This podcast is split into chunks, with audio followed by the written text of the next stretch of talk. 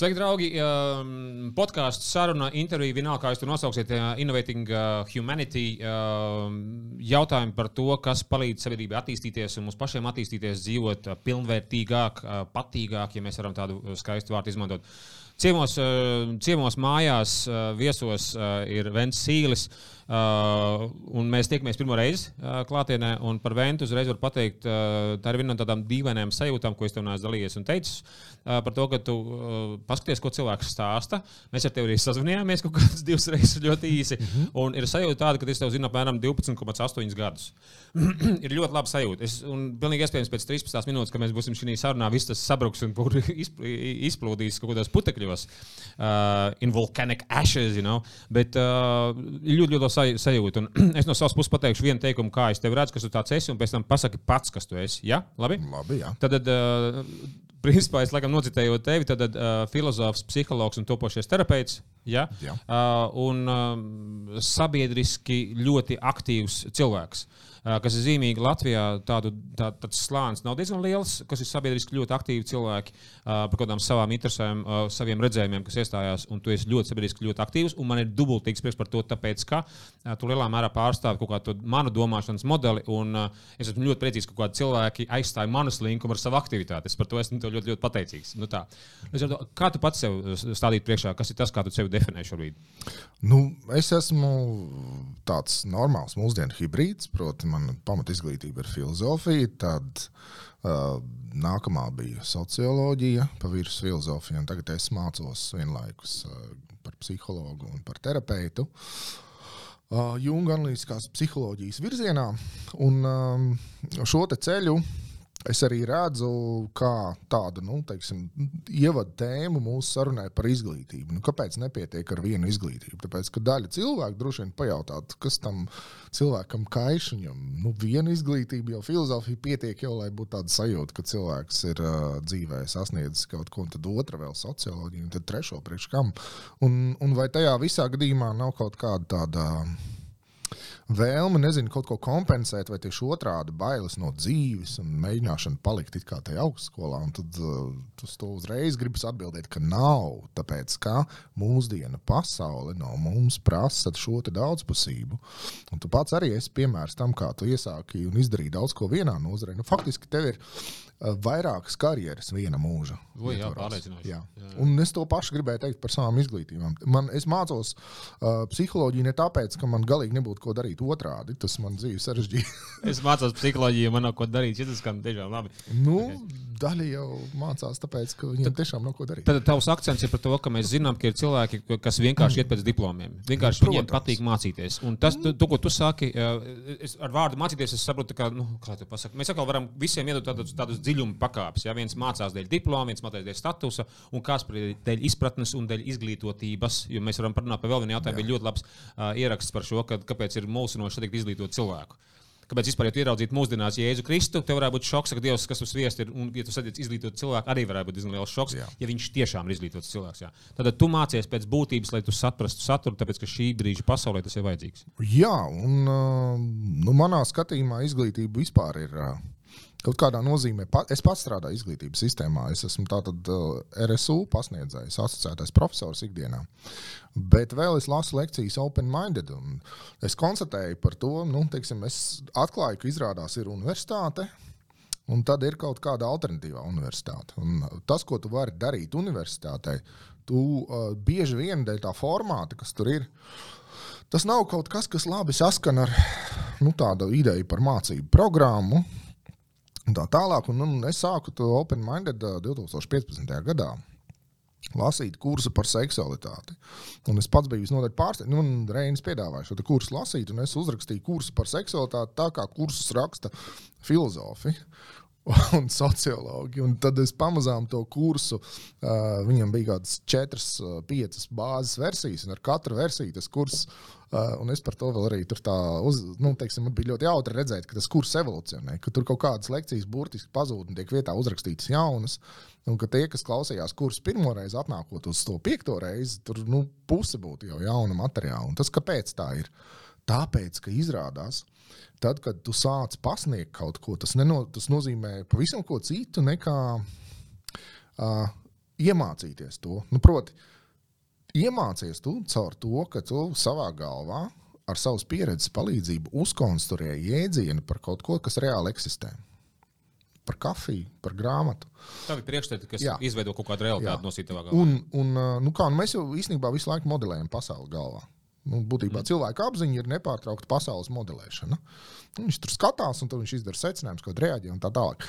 Un ā, tajā brīdī, kad es sapratu, ka es nevaru šo modeli vienkārši iedot, tas nav iespējams. Es varu atnest superīgu savu modeli, un cilvēks viņu skatās, nu, un Un tad ir jautājums, kā sāc pielāgot to citu cilvēku sapratni. Tad es sapratu, ka mums ir nu, tā izglītības viena no problēmām, ir tāda, ka man tas visu laiku ir bijis privātās pieredzes un ļoti emocionāls pasākums. Es tur esmu lasījis šito, man tur bija tur 15 eiro momenti. Oh, tā tas ir, tā šitā tas ir, un tā tālāk. Un tad, kad es to salieku bez tā visa, tas ir garlaicīgi un sarežģīti. Un es nevaru. Nu, teiksim, uh, un iedomājieties, kas tas būtu par fiasko kursā par seksualitāti, kad cilvēks sēž viņiem garlaicīgi. Man liekas, nu, par kuru tēmu vēl, ja? un, un tad es sapratu, ka ne tikai jālasa par seksualitāti, tev tas vēl ir seksīgi jāizdara. Uh, metaforiskā nozīmē, protams, uh, tev ir jāizdara tā, lai cilvēki, uh, jo viņi atnāk pēc darba, viņi samaksāšu naudu. Ko viņi grib? Nu, ne jau to pašu, ko skolā. Viņi pirmkārt grib, lai viņiem ir interesanti, lai viņi ir iesaistīti. Mēs varam teikt vārdu, ka viņi grib kvalitāti. Viņi grib kaut kādā, bet saprotu, tas vārds ir kaut kāds ļoti anonīms.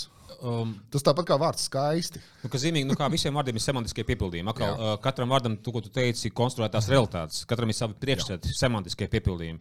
Uh, Dīvainā kārtā, restīvi, man vārds kvalitāte ir skaidrs, ka tur būs savs piepildījums, bet vismaz mēs varam sākt orientēties kaut kādus atskaites punktus meklēt. Tas, ko tu sāc saukt, principā tas ir sāsts par, par mācību procesu kvalitāti. Viņš ir iesaistīts, uh, viņam tas uh, ir relatīvs, viņa uh, relevants uh, viņu pašu dzīvē un tā tālāk. un joprojām, Ja? Emocionāli iesaistīts. Piemēram, saproti? jā. Uh, uh, teiksim tā, un es, es tajā brīdī no, noķēru to momentu, ka tajā, tad, kad uh, man ir emocionāls kontakts ar auditoriju, tad auditorija piedzīvo zināšanas druskuļi citādā formātā.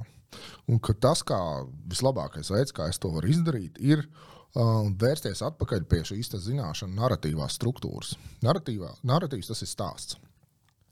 Orālā kultūra, orālā stāsta kultūra, kas ir visus Jā. gadsimtus bijusi. Jo skat, kā ir. Kāpēc mums patīk teiksim, joki un anekdotas? Tāpēc, ka tur ir sākumā tas nu, dzīves situācija. pie, dzīves situācija, kurai mēs pieejam, kuru mēs aprakstām. Un tad ir tas, ko sauc par punchline, jeb tas nu, fināla teksts. Un ar zināšanām mēs ļoti mēs pazaudējam bieži vien to, ka, ja tev nav visas tās anekdotas iepriekš, tad pasakot fināla frāzi, cilvēki nesaprot. Viņi nesmējās. Speciālisti smējās. Ja? Tie, kas zina anekdoti, tie, tie uzreiz ha, ha, ha, baigs smieklīgi. Pārējiem ir. Nu, un, ja? un tad, uh, bet te, šis te narratīvs, kā tu konstruē zināšanas, uh, tas nozīmē, ka kā rodas vispār zināšanas? Viņas rodas no zinātnēkāras. Nu, cilvēks pirms kaut ko iekāro, un tad viņam viņš grib iet tajā virzienā, viņš grib redzēt, kā tas ir. Un tad tev vispirms ir jāiekārdina. Un kā tu viņu var iekārdināt? Pārsvarā caur spoguli. Cilvēks grib ieraudzīt sevi tajā stāstā. Uh, Un tad ir stāsts par viņu pašu. Viņš tam iet līdzi, un tad sanāk, ka viņš bezmaz pats pie tā secinājuma nonāk, ko it kā tu viņam tur priekšā noliec. Uh, Vai vēl pie kāda cita, var, ir tur vēl arī tie skaistie, skaistie momenti, kur tu to situāciju uzbūvē, un cilvēks autorija izdara pilnīgi citu secinājumu. Un tev, nu, tev ir principā, jā, jāsāk tie paredzēt. Man ka, jāsāk- zinīgi, kad tu sāc ar kaut kādu materiālu, tev pašu seksualitāti, kad tu strādā, es domāju, ka tu sāc paredzēt, un jau tos disklaimerus sāc sacīt. Klausies, es zinu, ka daudz padomās to un to, un to tu sāc Jā. pārvaldīt to auditoriju. Vienkārši viena nianses, tāpēc, ka es gribētu, ja tu vari nofokusēt to, uh, tu rekrutēt RSU, jā, darbs, un tad ir uh, Open Money, kas ir uh, nu, nosītas, ak, Dievs, kā to sauc, B2G, B2, B2B, tas B2C tas režīms, ka tu strādā ar auditoriju, un tu strādā ar, ar, ar konkrētiem cilvēkiem, kas iet pēc diploma. Bet viena nianses, ko es gribēju pateikt par to narratīvu, kas ir interesanti, ka uh, šos 11 gadus, ko es esmu izglītībā, es aizgāju uz vienu ļoti dīvainu lietu. Es aizgāju uz to, ka man, principā, kā lektoram, ir jārūpējas par uh, state of brain. Tad, restīvi, kad cilvēkam, ko tu teici par zinātnē, ka cilvēkam ir kāre pēc šīm zināšanām, principā es radu smadzenēs šos priekšnoteikumus, lai cilvēks varētu mācīties. Un paradoxālā kārtā tos, ko es redzu, nav starpība, vai tas ir desmitgadīgs bērns vai tas ir 50gadīgs cilvēks. Uh, tur ir vēl viena cita tēma, ko mēs varam parunāt par, par to, ka es savā dzīvē esmu redzējis ļoti maz pieaugušus cilvēkus. Uh, to skatā es arī pats mēģinu knapi tur kaut ko tur tikt, jau varbūt es kaut, kaut kad būs pieaudzis. Bet uh, man šī gadījumā par to smadzeņu ieslēgšanu vienkārši viens man ļoti nopriecēja viens zinātniskais pētījums par to, ka smadzenes ieslēdzās tad, ja, es, ja otrs cilvēks emocionāli uh, stāsta par kādu savu pārdzīvojumu ko viņš emocionāli pārdzīvo stāstīšanas brīdī, un viņš ir arhetipiski salīdzināms. Piemēram, klasiski, tāpēc es kaut kādās lielajās konferencēs es esmu stāstījis par to, kas man ir gājis bērnībā, kā man ir gājis attiecībās ar māmu, kā man ir gājis skolā. Tie ir arhetipiski saprotami stāsti. Ja es viņus emocionāli stāstu, tad uh, spoguļneironi izdara to savu funkciju, kā burtiski, un tas man nošķiras vairāk. Otram cilvēkam nav aizsardzības pret manām emocijām, viņam aktivizējas tās pašas smadzeņu zonas, kas otram. Tad stāstītājs aktivizē otrā cilvēka to zonu. Un, ja mēs ir tādas zinātnīs pētījums, tu sāc zināt un saprast, un tagad, cik es saprotu, arī tajā formā līderi, ko tu teici, ja, ka tev ir bijis gatavošanās, tu vienkārši caur to narratīvu tu aktivizē otram cilvēkam smadzenes, kas palīdz mācību procesā. Jā. Bet var nofokusēties, ja, ja, tagad, ja gadījumā kaut kas vēl tur bija sakāms, tad saki. Bet, Respektīvi, akadēmiskā vide un šī nosacīta brīvā tirgus vide, kur es saku par to, ka abās ir kaut kāda kvalitātes standarti. Bet jautājums, ka tu saprati, ka tajā brīvā tirgus vidē, ja kur cilvēks samaksājuši naudu, viņi atnāks pēc darba, ka tur principā ir kaut kādi citi kvalitātes parametri, pēc kuriem jāiet. Jā, jā, jā. Un, un, ta, un to es minu tieši tāpēc, ka uh, universitātes aizmirst par to, ka zināšanas vispār, vispār nav monopolizētas. Universitātēm gribas domāt, ka viņām pieder monopols uz šīm pārbaudītajām, zinātniski ļoti, ļoti pamatotajām, pētnieciski teikt, apdarinātajām zināšanām. Bet patiesībā šīs zināšanas kaut kādā nu, nu, universitāte sev šauja kājā ar to, ka viņas padara šīs zināšanas, nu, kā lai to saka, Viņas izņem ārā no turienes diezgan daudz kaislības un diezgan daudz realitātes, jeb saistības ar dzīvi. O, tu, tu pateici vārdu diezgan daudz realitātes. Pasaki, viens līdz desmit, cik daudz realitātes ir procentos. Es zinu, ka tas ir pilnīgi, pilnīgs, pilnīgs vērtības minēto procentos, bet cik realitātes? Es tev labāk citādāk atbildēšu. Okay. Man bieži vien cilvēki mēģina. Um, šokēt ar frāzi, nu tā ir tikai teorija, aptuveni, kur te mūdi. Uh, dzīvē viss ir citādāk. Uz ko es viņiem parasti atgādinu, un tas ir, manuprāt, fundamentāls skatījums. Uh, mēs esam neskapēc sev pārliecinājuši, ka teorija un praksa ir divas dažādas lietas. Teorija ir prakses rezultāts. Teorija ir vienkārši prakses destilāts, kur pretīm uh, prakse bez teorijas ir vienkārši bezgalīga velosipēda izgudrošana. Un tas, kas mūsdienās ir kļuvis, nu, man teiksim, reāli kaitina ja, šajā te, uh, blogera un interneta uh, podkāstu laikmetā. Jā, laikmetā ir tas, ka viens džeks askin, Elveči, velosipēds! Ejiet no zilā krāsā, bet ja, jaunā krāsā, klausies, jaunā jā. krāsā viņš ir. Tu mini pedāļus un stūrē, un tas ir wow. Un man gribas teikt, nu, halo. Nu, nu, nu, ne, nu, es saprotu, ka tev tas, eh, tas, tas, tas moments, kad tev beidzot pielēc, ka šitā var, tas ir baigi labi. Vienkārši nu, ir, eh, ir kaut kas pirms tevis. Citu, tas ir izcils piemērs, tāpēc, ka kā, es esmu, es esmu paurubies garīgumā, bija šī cauri un nosīt garīgās praksēs kaut kāds 20 gadus. Restīvi, atkal es uzsveru, caur to es arī redzu, ka es neesmu pieaudzis, ka es ļoti maz pieaugušs cilvēks redzu, ka es esmu tāds pats sūdabrālis, kā vienkārši daudz. Te, Nu, kas te ņemās pa dzīvi. Bet tur ir tas stāsts par to, ka tu iziet kaut kam cauri, un tad tu redzi, ka kāds konstatē, klausies, viss ir viens. Es tev pārliecināšu, ka viss ir viens, un es tev tagad sludināšu to. Un uh, tu redzi, tu, tu esi gājis tajā stadijā cauri un domā, ah, ok, labi, un te nāk, es tev pilnīgi piekrītu. Es domāju, ka ļoti precīzi stāsts par to, ka nav teorija bez prakses, tas pats iņķaņa dubult duālismu mm. princips, ka viens bez otra nepastāv, ja tas fiksed and fluid visā, visās lietās. Precīzi, ļoti garšīgi. Jā. Mm. Un, vei, un gal galā, saprot, nākamais ir, mēs dzīvojam informācijas laikmetā, un bieži vien atkal tur tiek pretnostatīti vārdi un darbi kas ir adekvāts pretnostatījums, tad, ja tu esi teiksim, zemnieks. Tajā gadījumā, nu, teiksim, ar muti tu neuzvars nevienu lauku. Lai gan tiem, kuriem ir spēcīgi iztēli, iedomājieties, ka tiešām kāds, bet kuriem varbūt lielāks žoklis ir. Jā, lielāks žokļa atvērums, un viņš tiešām mēģina uz, uzvārt to lauku. Nu, Piedod, jā. nu, jā, nu redzi. Un, uh, mēs aizmirstam, ka informācijas pasaulē nu, vārdi ir darbi. Vārdi ir darbi, respektīvi, mēs ar vārdiem. Uh, kāpēc vārdi ir darbi? Tāpēc, ka mūsu domāšana ir valodisks process. Mūsu apziņa un domāšana eksistē valodā. Līdz ar to, kāpēc psihoterapija, piemēram, strādā. Nu, es domāju, kāpēc tā ir, ka atnāk divi cilvēki, apsēžās uh, viens otram pretī, un nu, viens saka, nu, pastāst, kā tu jūties. Otrs pastāst, kā viņš jūtas. Uh, liela daļa cilvēku domā, ka psihoterapeiti ir apšaukuši visu pasauli. Viņi vienkārši ir iemācījušies ņemt naudu par to, par ko var sagādāt, vai ne, jebkura draugu saruna. Un tā ir tas, man liekas, lielākais aizspriedums un malts saistībā ar psihoterapiju. Tas priekšstats par to, ka uh, vienkārši sarunājoties, mēs varam izdarīt to pašu, ko ne katra saruna, protams, protams es gribu teikt, ka ne katra saruna ir dziedinoša. Tāpat kā ne katrs ēdiens uh, ir sāpīgs. veselīgs, jā. jā, vai veselīgs. Ne visi, ne visi miegi ir vienādi, ne visi pārtika ir vienāda. un tā Tieši tā. jā. Un tajā gadījumā, kad tev ir darīšana ar cilvēku, kurš ir meistars savā procesā, un mēs varam runāt par kaligrāfijas meistariem, mēs varam runāt par tējas meistariem, mēs varam runāt, saprot, liekas, nu, kas tur, nu, nu rekur zāle, rekur tēja, kur ir problēma? Paņem, paņem aplē, būs tev tēja. Eksperta status, ā, status tādā ziņā, ka mums ir jāpierod pie domas, ka ir cilvēki, kas ir eksperti. Jo pretējā gadījumā, kas notiek, nu, tik pa brīdim sabiedriskajās diskusijās cilvēki vēlās iesaistīties ar savu viedokli par tēmu, kur viņi nav eksperti. Un daļēji uh, viņiem ir tādas tiesības, tā ir demokrātija, bet no otras puses mēs šo vienkāršošanu nevaram apturēt. Ja mēs nenovelkam kaut kur svītru, aiz kuras tu saki, tā par šo spriest tikai eksperti. Tāpēc, ka, ja mēs jebkur, nu, atcerieties, kas notiek ar, Nu, vakcīnu gadījumā, ar jā. vakcīnu gadījumā, tad atkal es varu spriest kaut kādā līmenī, bet es kaut kur vairs tālāk. Man jāsaprot, ka es kaut ko tomēr nespratīšu. Tieši tā.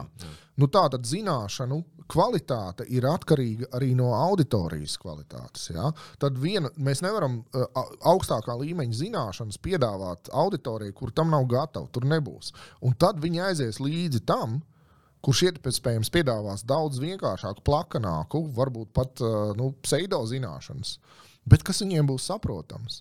Un tajā, jo, jo, ka, ko tad mēs uzskatām par gudriem cilvēkiem? Nu, ja mēs to stereotipu būvējam. Patiesībā gudrs cilvēks no netik gudra atšķiras ar ko.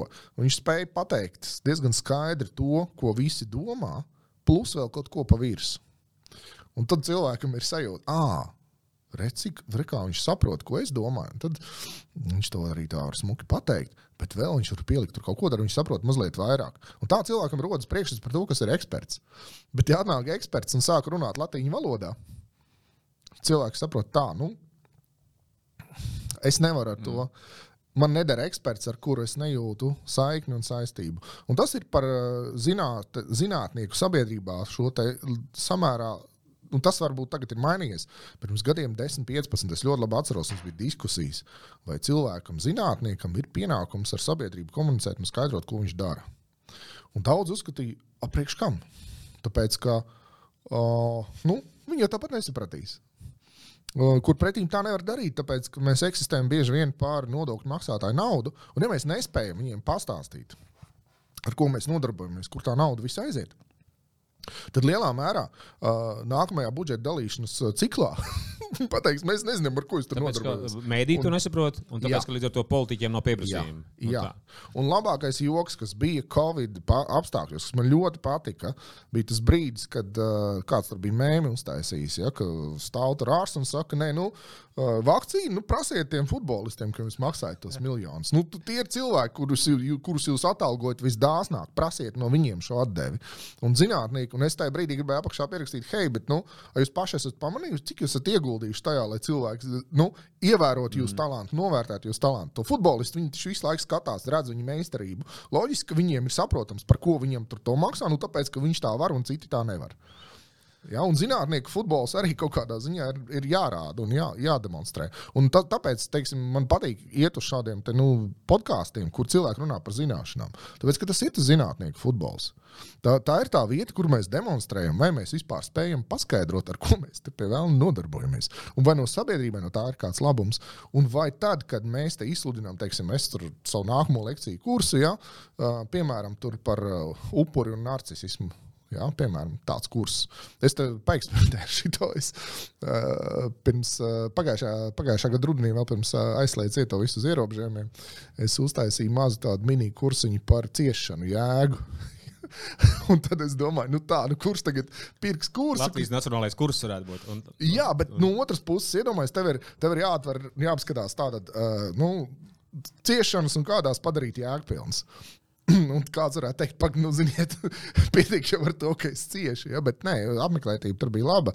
Un mēs nonācām līdz, līdz ļoti jaukām tēzēm. Un tajā brīdī es arī, nu, teiksim, man ir svarīgi, kā cilvēkam, kas nodarbojas ar šo zināšanu, uh, pakošanu, sauksim to tā. Jo es varu, nu, jo pasniedzējs beigas labais vārds. Pasniedzējs viņš pasniedz. Pasniedz, viņš kur noliek. Mm. Tev, tev, tu vari paņemt, tu vari neņemt. Bet uh, man ir jāizdara kaut kāds priekšnoteikums, ja, lai pasniegtu. Tad uh, es, uh, es jau piekrītu tai tavai tēzē. Es arī pasniedzu tikai to, kas man pašam ir interesanti. Jo, ja man nebūs interesanti, es nezinu, kā tai auditorijai var būt interesanti. Ja? Un, uh, man ir interesanti, es esmu tur izdarījis zināmu darbu, un tad mēs kopā to konstruktoru, to LEGO liekam kopā ar auditoriju. Un, ja mums ir viss izdevies, tad auditorija kaut kādā ziņā ir pēc šīs te, nu, manis veidotās LEGO instrukcijas salikusi to pašu modeli. Un, ja tā, nu, tad es esmu savu mērķi sasniedzis. Jo šie cilvēki būtībā ir dabūjuši nevis faktus, viņi ir dabūjuši uh, daudz ko vērtīgāku. Ja? Ja atcerieties, tur bija tie līmeņi, kā salīdzināja sākumā ar dati. Ko tad datu jūra? Tad no šiem datiem mēs atsījām informācijas vienības, jau kaut kāda saistība starp diviem, trim datu fragmentiem. Tālāk no tā mēs izveidojam zināšanas, nu, tādu kaut ko jau teorētiski blīvāku, bet pēc tam mēs nonākam līdz stadijai, un tā ir visabstraktākā stadija, jo tur ir piedalās savā ziņā iracionālais. Mēs nonākam līdz vieduma stadijai. Un uh, es diezgan daudz laika pašlaik veltu attiecībām starp gudrību un viedumu. Tā iemesla dēļ, ka es esmu drausmīgi noguris no gudriem cilvēkiem. Man patiesībā ir apriebušies visi tie gudrie. Nu, tas ir, ko mēs zinām, ka viņi ir zināšanu krātuves. Tu par to Jā. tādu Wikipēdijas. Tāpēc, ka tad man, man pietiek, teiksim, uh, sociālajos tīklos ierakstīt kaut kādu vienu nelielu domu fragment. Es nojaušu, ko tas sacīja. Jā. Un tālāk es dabūju apakšā instrukcijas, ko es nemāku darīt. Kā es esmu pārpratis. Nu, Semantiski tas nebija pareizi. Jā, vēl kaut kas. Es dabūju, es dabūju feedbackus, kur patiesībā uh, tur 80% ir garām kasē. Nevis tāpēc, ka cilvēkiem, nu, es tur to visu atstāju vienkārši. Ja jūs izlasat, mēģināt noķert, ko kāds ir mēģinājis pateikt, nevis projicēt tur iekšā to, ko jūs gribētu izlasīt, vai to, ko jūs esat lasījuši vakar, un tā tālāk, un tā joprojām. Tad jūs pamanīsiet, ka autora doma visbiežāk komentārus īpaši neprasa. Teiksim, ja mēs, un te ir, tas, te ir tas moments, kad mēs ļaujam domai pastāvēt bez papildus apgrūtinājumiem. Tas nenozīmē, ka nevajag būt kritiskam. Tas, tas nav tas, ko es saku. Tas nozīmē to, ka uh, tas, tas, ko dara franču pavāri, viņi bija vienā brīdī pamanījuši, ka atbrauc turists un saka, es gribētu to jūsu foršo ēdienu, tikai bez laktozes, bez cukura, bez sāls un bez gaļas. okay, labs. es gribētu šo mašīnu, bet varbūt bez divām priekšējām riepām, bez motora un bez jumta. Jā.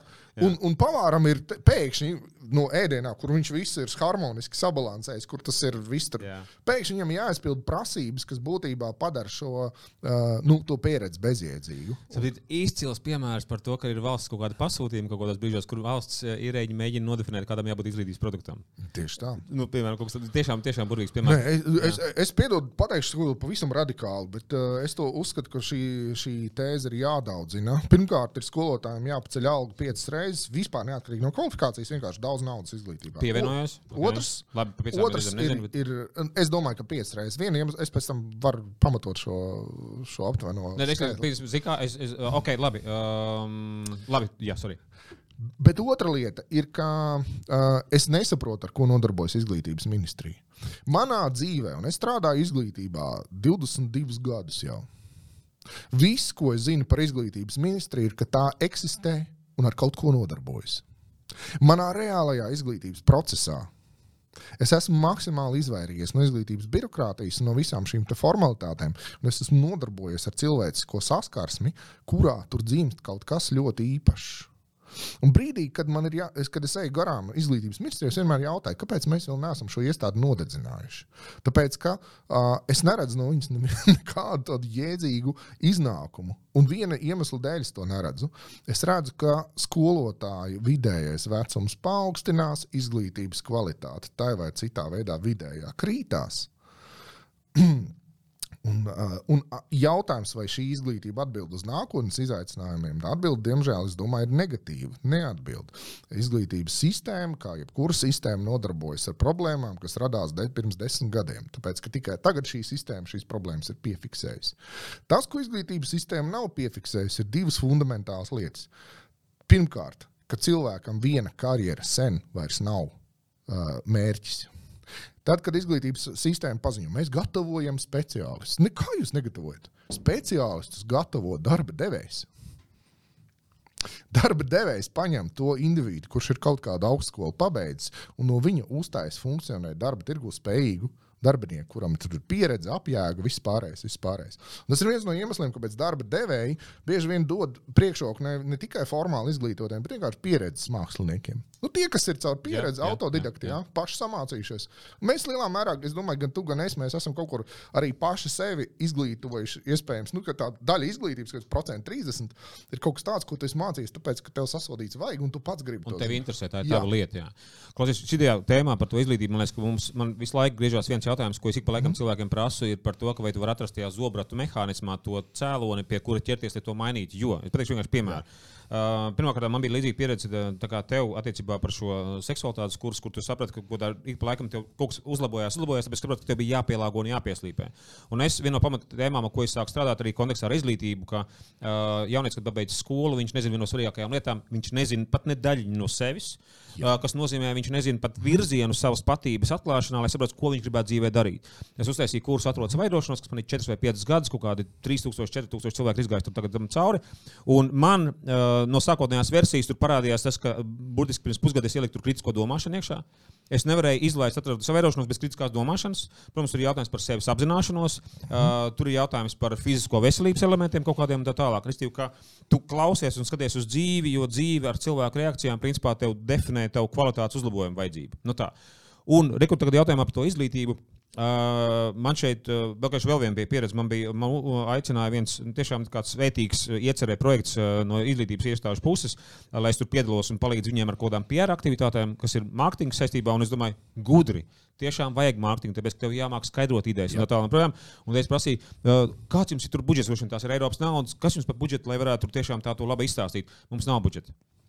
Tad, respektīvi, tie cilvēki, kas nu, kūrē izglītības tos visus virzienus, viņi nepadomā. Viņiem liekas, ka Mārtiņš ir kaut kas pilnīgi atrauts no pasaules, bet jā, tā ir milzīga daļa, kā tu teici, par zinātni. Ļoti precīzs piemērs. Mums ir jāmāk runāties ar cilvēkiem, mēs nevaram būt savos troņos.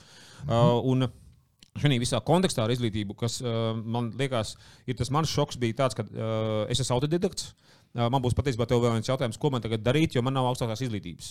Es, tas, kā, es varbūt varētu būt pelnījis augstākās izglītības diplomu mēdījos, es šo to tur sapratu, šo to es tur darīju 15 gados un tā tālāk. Es nezinu par izglītību, bet mans viens no dīvainiem secinājumiem bija tāds.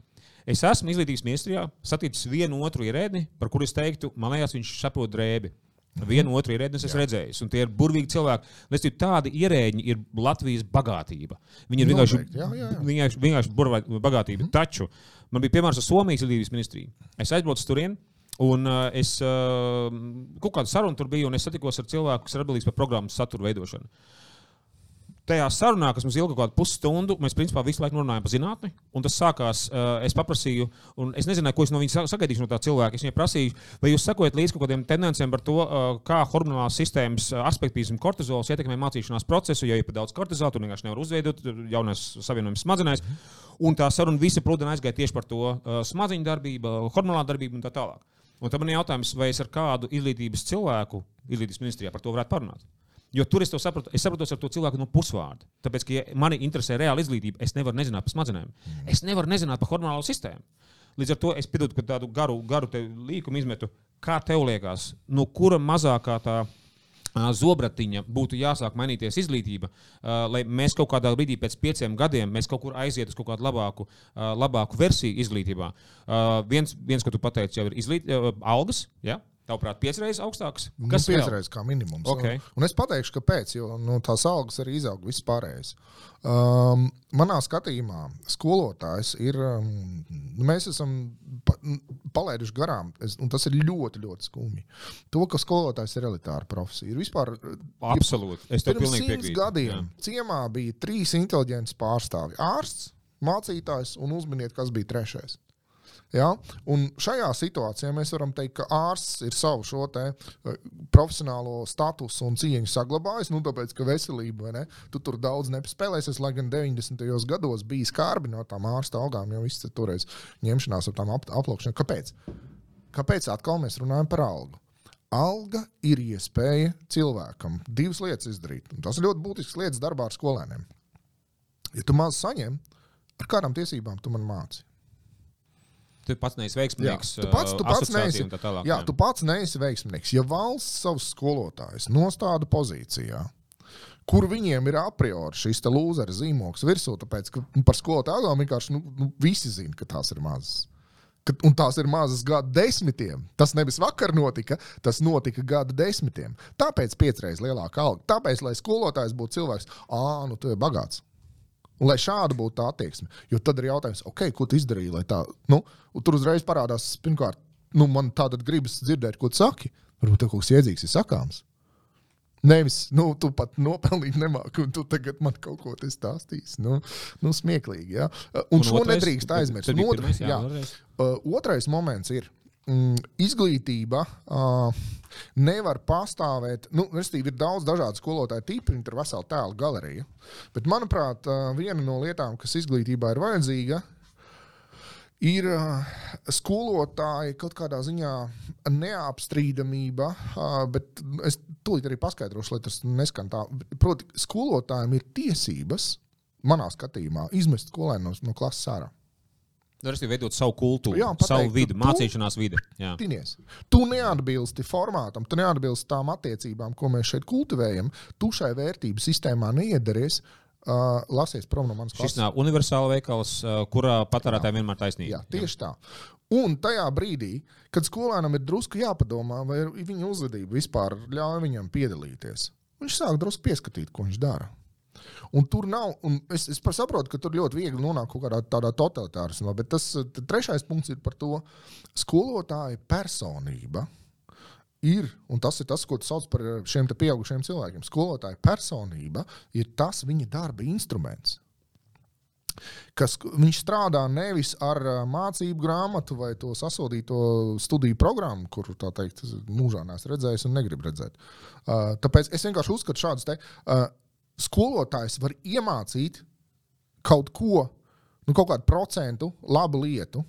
Un vai tas atbilst vai neatbilst programmai, spiedodiet, nav viņa jautājums. Tāpēc, ka viņš var iemācīt vienam skolēnam 100% programmas, otram 70, trešajam 30. Fakts, ka viņš kaut 30 var iemācīt, ir nevis skolotāja trūkums, lai viņam pateikt, viņam ir jāiemāc visiem 100. Bet tas ir konkrētā skolēna, nu, iespējams, teiksim tā. Ā, Varbūt viņš tajā brīdī nebija gatavs paņemt, varbūt uh, viņa uztveres uh, līmenim tas nebija atbilstoši. Ja viņš ir to savus 30% paņēmis, lai viņš paliek tur. Jo, jo pretējā gadījumā mēs dabūjam ko?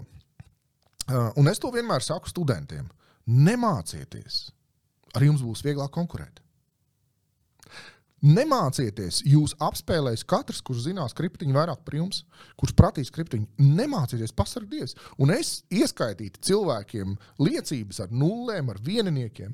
Vienkārši tur atnest tādu liecību, redz, nu, lūk, Sapratu, tas ir tā ir tava izvēle. Jā. Tu vēlējies šādā veidā finišēt. Tu vēlējies šo, šādā, tu rekur pasauli redz, ar ko tu nodarbojies skolā. Nevis censties visus aizvilkt līdz kaut kādai abstraktai sekmībai, kur faktiski ir vajadzīgi vairāk skolai nekā tam skolēnam. Un kas atkal ir principā liecība, ka mēs iemācāmies, kā sabiedrība iet tajā fake režīmā, tajā tēlotas Jā. režīmā. Un tajā brīdī, kad šāds skolēns pēc tam uh, Nonāk reālā darba vietā, piemēram, reālā darba vai vietā, kļūst par ierēdi. vai kļūst par ierēdni, Jā. tad viņš saka, nu, uh, es te neredzu, kur izglītībai būtu vērtība. Skaidrs, ka viņš neredz. Viņš nekad nav piedzīvojis, kas ir izglītība, kas tev dara vērtīgu, kas tev, tev piešķir šo papildus vērtību. Ja? Tātad skolotājs māca ar savu personību. Un kā viņš māca? Viņš pirmkārt parāda, ka tas priekšmets, tas ir priekš viņa. Tas ir kaut kāds wow, tas priekš manis tas ir super. Gribat šajā piedalīties? Lūk, piedalāmies. Un tajā brīdī, ja, teiksim, ja es gribētu atgriezties pie tā, ka skolēni patiesībā viņiem, viņi tiek nolikti situācijā, kur viņiem ir nepārtraukti jārisina. Uh, bet es esmu humanitārais cilvēks, es varu tā runāt, jā, uh, filozofija. Jā, kas tagad būs par attaisnojumiem? Labi. Socioloģija. Nē, Ko tas, ir- to, to, ir svarīgi, pa- to ir svarīgi Labi, pateikt. labi, labi. Es viņiem prasītu, Tātad, ja tu būtu prezidents, kā tu rīkotos? Mm. Un tajā brīdī, kad okay. viņam ir jā, jārisina šīs jautājums, viņš var sākt domāt, pagaidi, ko vispār dara prezidents? Kāpēc viņš pieņem lēmumu mānē? Sanāk, empātijas jautājumi parādās. Ja? Jā. Parādās empātijas jautājumi, bet viņš ir arī. Es domāju, ka viņam skolēnam ir jāliek priekšā valstiskas problēmas. Nevis otrādi. Ja viņam saka, nu, izaudz, tad tu varbūt kaut ko par dzīvi sapratīsi. Ko viņš izaugs? Viņš izaugs par cilvēku, kurš obligāti lamās valdību, Turklāt lamās valdība nekvalitatīva un nekompetenti. Un mēs atkal ejam uz empātiju, jo tu lamā valdību, kaut arī vispār tev pat priekšā tev 1%, 0,1% zināšana par to, kādā situācijā viņi ir un ko viņi strādā. jā. Precīzi, okay. tieši tā. Jā. Uh, to saka cilvēks, kurš pirms desmit minūtēm ieteica nodedzināt izglītības ministriju. Jā, ļoti labi saruna. Jā. okay, okay. Turpin, turpin. Jā, um, nē, nu, par to izglītības ministriju es atbildu. Ja kāds uh, no izglītības ministrijas grib ar mani par šo parunāt, es varu izklāstīt. Kas zīmīgi, iedomājieties, man, man, bija, man ir burvīgs uh, skolas direktors, kas nāk no Valmieras viestura vidusskolas, tāds Ivars Briedis. Viņš man kaut kādā brīdī, viņš ir ļoti, man liekas, tāds inteliģents, foršs forš, forš kungs. Man ļoti paveicies ar viņu, arī ar klases audzinātāju, kas man bija Sinta Mizo, kuris tev pilnīgi piekrīt par personībām. Uh, Restīvi, kā lai to pasaka, viena no manām klasiskajām tēzēm ir, ja vecāki prasa, uz kuru skolu līdzieties, iet, skatos, skatieties pēc direktora, skatieties pēc klases audzinātāja, un vai viņi cilvēciski jums liekas spēcīgi. Tieši cilvēciski. Jo atkal, uh, kas zīmīgi, nu, nu restīvi, matemātika visiem ir vajadzīga, bet uh, Uh, bet Ivar Briedis, piedod, viņš man pateica šoku par to, ka izglītības ministrija vajag no- nodedzināt. Un uh, man, kā te pasaka, es esmu tāds super pacifists. Uh, nu, man tiešām liekas, ka Dievs uzmanīsimies ar vārdiem, ko mēs lietojam, jo vārdi programmē realitāti un tā tālāk. Uh, un es zinu izglītības ministrijā cilvēkus. Uh, un uh, man principā tikai tas viss, ja gudīgi aiziet uz vienu citu jautājumu, man aiziet uz jautājumu, kad izglītības ministrijā būs pirmais izglītības ministrs, kas saprot izglītību tieši kas saprot izglītības procesu. Tāpēc, ka tev ir jāzina, piemēram, ko tas nozīmē, kāpēc šo likt vai nelikt. Tāpēc, ka kādas notiekas, kādas ir kā bērnam vai kā jaunietim, kas nodrošina tiešām to attīstības mm -hmm. elementu. Nav bijis, lai es atvainojos par nelaiķi arī Robertu Ķīli, nav bijis Latvijā izglītības ministrs, kas saprast izglītību. Vismaz manā sapratnē, kā es to redzu. jā, jā. Mana analoģija ar Somijas izglītības ministriju, kur es momentāli no puses, es vienkārši redzu, ka cilvēks saprot drēbu un tā tālāk. Nu, bet loģiski. Nu, bet loģiski, tāpēc, ka uh, patiesībā jau kas ir. Es, es, redz, es neredzu ie- nepieciešamību administrēt izglītību. Tāpēc, ka es par primāro izglītības mērķi uzskatu to, ko tu minēji pirms arī kāda brītiņa - vispārīgo dzīves uztveri. Kurā ietilpst emocionālā inteligence, kurā ietilpst apziņotība, kurā ietilpst un tikai pēc tam zināšanas par priekšmetiem, bioloģiju, matemātiku un tā tālāk. Tāpēc, ka, ka mēs esam dzīvojam pašlaik pasaulē, atšķirībā no 19. un 20. gadsimta, kad uh, mums vajadzēja unitāru izglītības sistēmu, kas iedod cilvēkam bāzes informācijas daudzumu par pasauli, kuru viņš citur dabūt nevar kā tikai šeit. Mums ir pretēji problēma. Mums ir informācija visapkārt. Mums vajag dedukciju. Mums ir mest no Mums vajag, jā, mums vajag at, no, tā- tāpēc es minēju iepriekš no narratīvo. Tāpēc mums vajag izstāstīt sakarīgu stāstu. Mums nevajag pateikt, nu ir šis stāsts un vēl 300 citu. Un ko cilvēks pēc sevis nospriež? Nu, tā kā iet jūs ratā, nu, man dzīves nepietiks, lai visus 300 izlasītu, un pēc tam vēl izdomātu, kurš man tur labāk dara. Tu man vari pastāstīt, kas ir tas un tas, tad pastāsti. Ja tu man šeit un tagad nevari to pastāstīt, tad, tad mums nav sarunas. Tad es pildu kaut kādus abstraktus uzdevumus, kur jēgas nesaprotu, un, un klusītēm pie sevis lamājos par to, ka nu, es varētu šajā laikā kaut ko iedzīgu darīt. Tāpēc man šie četri punkti ir alga, skolotāja personība, un ar personību es domāju jaunus, seksīgus cilvēkus, un seksīgus es uzsveru. Bet arī intelektuāli jā, Tādā ziņā, ka tas nav vienkārši tādā jā. Proti, jauni, seksīgi cilvēki, kas parāda jaunietim, ka vispār zināšana tas ir, tas ir super. Šo nišu, ir- Apīlīgi, teiktu, jā, kas ir saistoši. šo jā. nišu ir paņēmuši visi influenceri un blogeri. Saprotat, viņi Jā, ir paņēmuši to, viņiem varbūt zināšana nav, bet viņi toties tik seksīgi par to stāsta, ka tu nevari nesakot tam līdzi. Viņiem plakāts ļoti smuks. Viņi Jā. to plakātu ļoti labi Jā. strādā. jā. Mhm. Un, piemēram, tu esi gatavs skatīties par to, kā Džeks filmē, kā viņš brauc ar skeitu. Un viņš to dara tik krūti, ka, tev, ka tu sē- sēdi un domā, kāpēc es šito skatu, kāpēc es nevaru, kāpēc es nevaru beigt skatīties, kāpēc manī tik skaisti, iep... es nekad neskaitošu.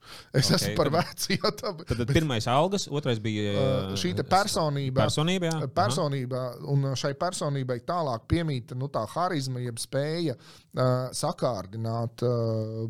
Iezināt, kā rot. iezināt, kā rot. Jā. Jā, ok. Un Un trešais. ceturtais Ah, tas punkts. bija treš- tas ir jā, trešais? Ah, un Alga ceturtais? Personība, zinātnākāras radīšana, un ceturtais ir uzdevumu līmenis. Es uzskatu, ka bērniem un vispār cilvēkiem, nu mazajiem, ir jādod lielie uzdevumi, viņiem jādod vēsturiskie uzdevumi, viņiem ir jāprasa. Ja tu būtu valsts prezidents, ko tu darītu? Ja tu būtu izglītības ministrs, ko tu darītu? Un saproti, ka tur atb... tāpēc, ka, tāpēc, ka, manuprāt, mēs viņus pazemojam ar to, ka mēs viņiem dodam debīlus mikro uzdevumus un sagaidām no tā, ka viņi izdarīs secinājumus makro līmenī. Mēs viņam liekam spriest par burkāniem un aboliem, bet mēs neko nesakām par dārzu. Ar tajā brīdī, kad viņš saprot dārzu, pilsētu vidi, piemēram, jā, jā, komūnu kā tādu. Jā. jā, viņš saprot arī, kāpēc tur ir, tur ir tā un tur ir tā. Un tajā brīdī, kad viņš saprot, man ir tāda sajūta, ka mācot bērniem kaut ko lielu, Viņi paši apgūst tās mazās mikro lietas, turklāt automātā. Viņi pat nepievērš uzmanību, kā viņi jau saprot, kā tas ir. Es to novēroju pie, sa pie savam dēlam, skatoties, kā es viņam nopērku LEGO šito tēmu nu, komplektiņu. Un tad es domāju, nu, ko viņš ar viņu darīs? Nu, principā, kas tur ir? un, un tajā brīdī, kad viņš saka, es uzbūvēšu tūlīt, man, es tur redzēju, mūtenē, baigot tur lāzeru šauteni, es viņu uzbūvēšu. Un pēc kaut kādas stundas viņš atnāk un demonstrē, kā viņš no LEGO klucīšiem salicis lāzeru šauteni. Ja es viņam būtu līdzi, okay. es pirms uztaisīju tēmekli, tagad uztaisīju rokturi. Nu, nu, labi, rekurbi jau roku. Jā, viņam ir jau rekurbi šis gatavais lielais produkts. Un, un, un, tas, un, un, un tā nesamainīšanās sīkumos, bet tāpēc es iepriekš attaisnojos ar to humanitārie priekšmeti. Jo humanitārijos priekšmetos ir jāsāk otrādi no lielās bildes uz mazo. Nu, kāpēc? Okay. Mm -hmm. Klausies, um, mēs aizējām Ziniet, kā man liekas, par izglītību mums vajadzētu taisīt vienkārši atsevišķu sarunu. Man liekas, ka mums ar divām stundām mēs varētu tikai vienkārši ieskrieties. Tāpēc, ka, nu, tas ir mans sāpīgais jautājums. 11 gadus, tev ir 20 gadus. Jā. Uh, un, uh, nu, man kā tādam, es nemāku darīt to, ko es nemīlu, vai to, kas man neinteresē. Un es gribu urbt iekšā tajā visā, un man Jā. ir ļoti zema tolerance pret kaut kādām lietām, kas nav kā, man identisks. Bet, rekur, mēs aizjām līdz ar to par vienu, pēc viena, viena vārda. Mums vajag pamēģināt kaut kā ies, iziet caur kādiem trīs, četriem topikiem, varbūt tādos īsos punktos. Pirmais topiks, ar kuriem nu, nav daudz cilvēku, kuriem es pēc savas sajūtas varētu parunāt, ir tas par identitāti. Tagad runājot par jauniešiem, es, mēs runājam par Latvijas jautājumu, par Latvijas identitāti kā tādu, kas mēs tādi esam, kas ir tie ceļi, kā mums to aiziet. Iedomājieties, ja mēs pat nolicām no tēmas par to, kas ir atslēga nomanīt izglītības jautājumu. Es gribēju parunāt ar tevi, principā, bet tas nav šodien izdarāms. Man liekas, ka par politisko ietekmi un kādā veidā šī triāde darbojās cilvēki, mēdīji, politiķi, kā veidojās savstarpējas pieprasījums un mēdīji kaut ko sāk sludināt, un kad mēdīji sāk sludināt, politiķi sāk izmantot, un tad politiķi par to var balsot. Tad es jūs sanāku tā triāde, kur varbūt, ja mēs pat neejam tajā iekšā, mēs varam ieiet jautājumā par identitāti.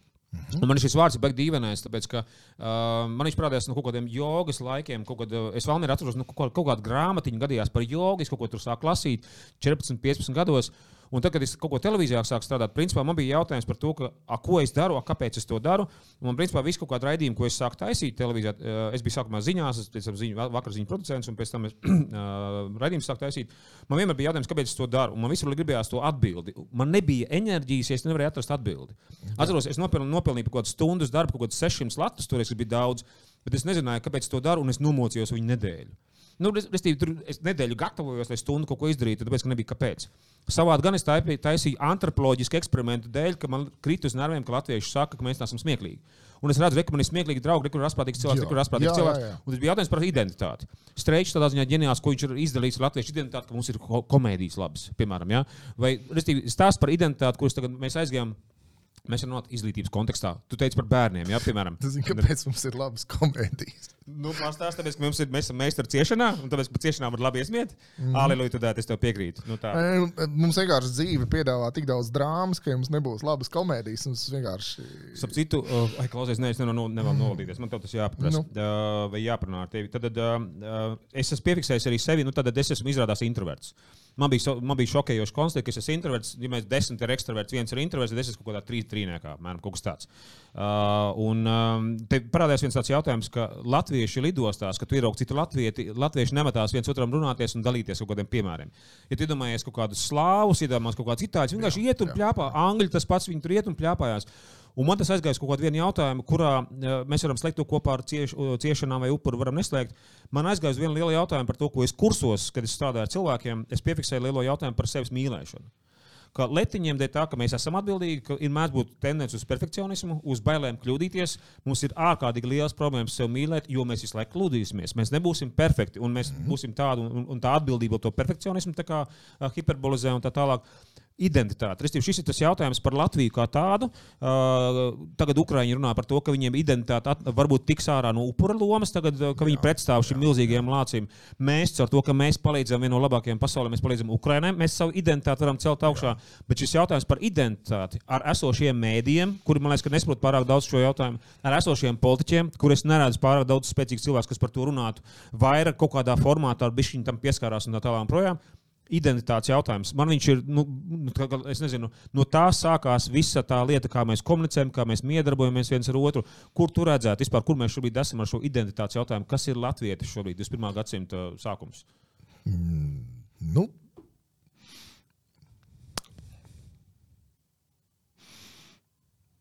Es te domāju, ar ko sākt. Jo uh, man jautājums par latvietību. Uh, es pirmkārt uzreiz kancelētu to priekšstatu par to, ka Latvijas ir tas, kurš latviešu runā. Proti, jaunē. Es uh, jaunās uh, realitātes ietvaros pirmkārt liktu klāt krievalodīgos latviešus. Iztulko jaunās realitātes ietvaros, ko tu domā jaunā realitāte? Kopš 24. februāra. Okay. Tāpēc, ka mēs vairs saprotam, ka tas, ko es ieraudzīju Ukraiņas sakarā, ka ir krievalodīgie ukrāņi, kas cīnās par Ukraiņu, un ir ukrāņu valodīgie ukrāņi. Un uh, tie, kas ir krievalodīgie, mm, neuzskata sevi par mazāku ukrāņiem. Viņi vienkārši saka, mums tā ukrāņu valoda īsti vēl neiet. Bet vispār mēs pēdām šai zemē, kā tu šo piedarību var apliecināt, baigi elementāri. Nu, ja tu par viņu esi gatavs mirt.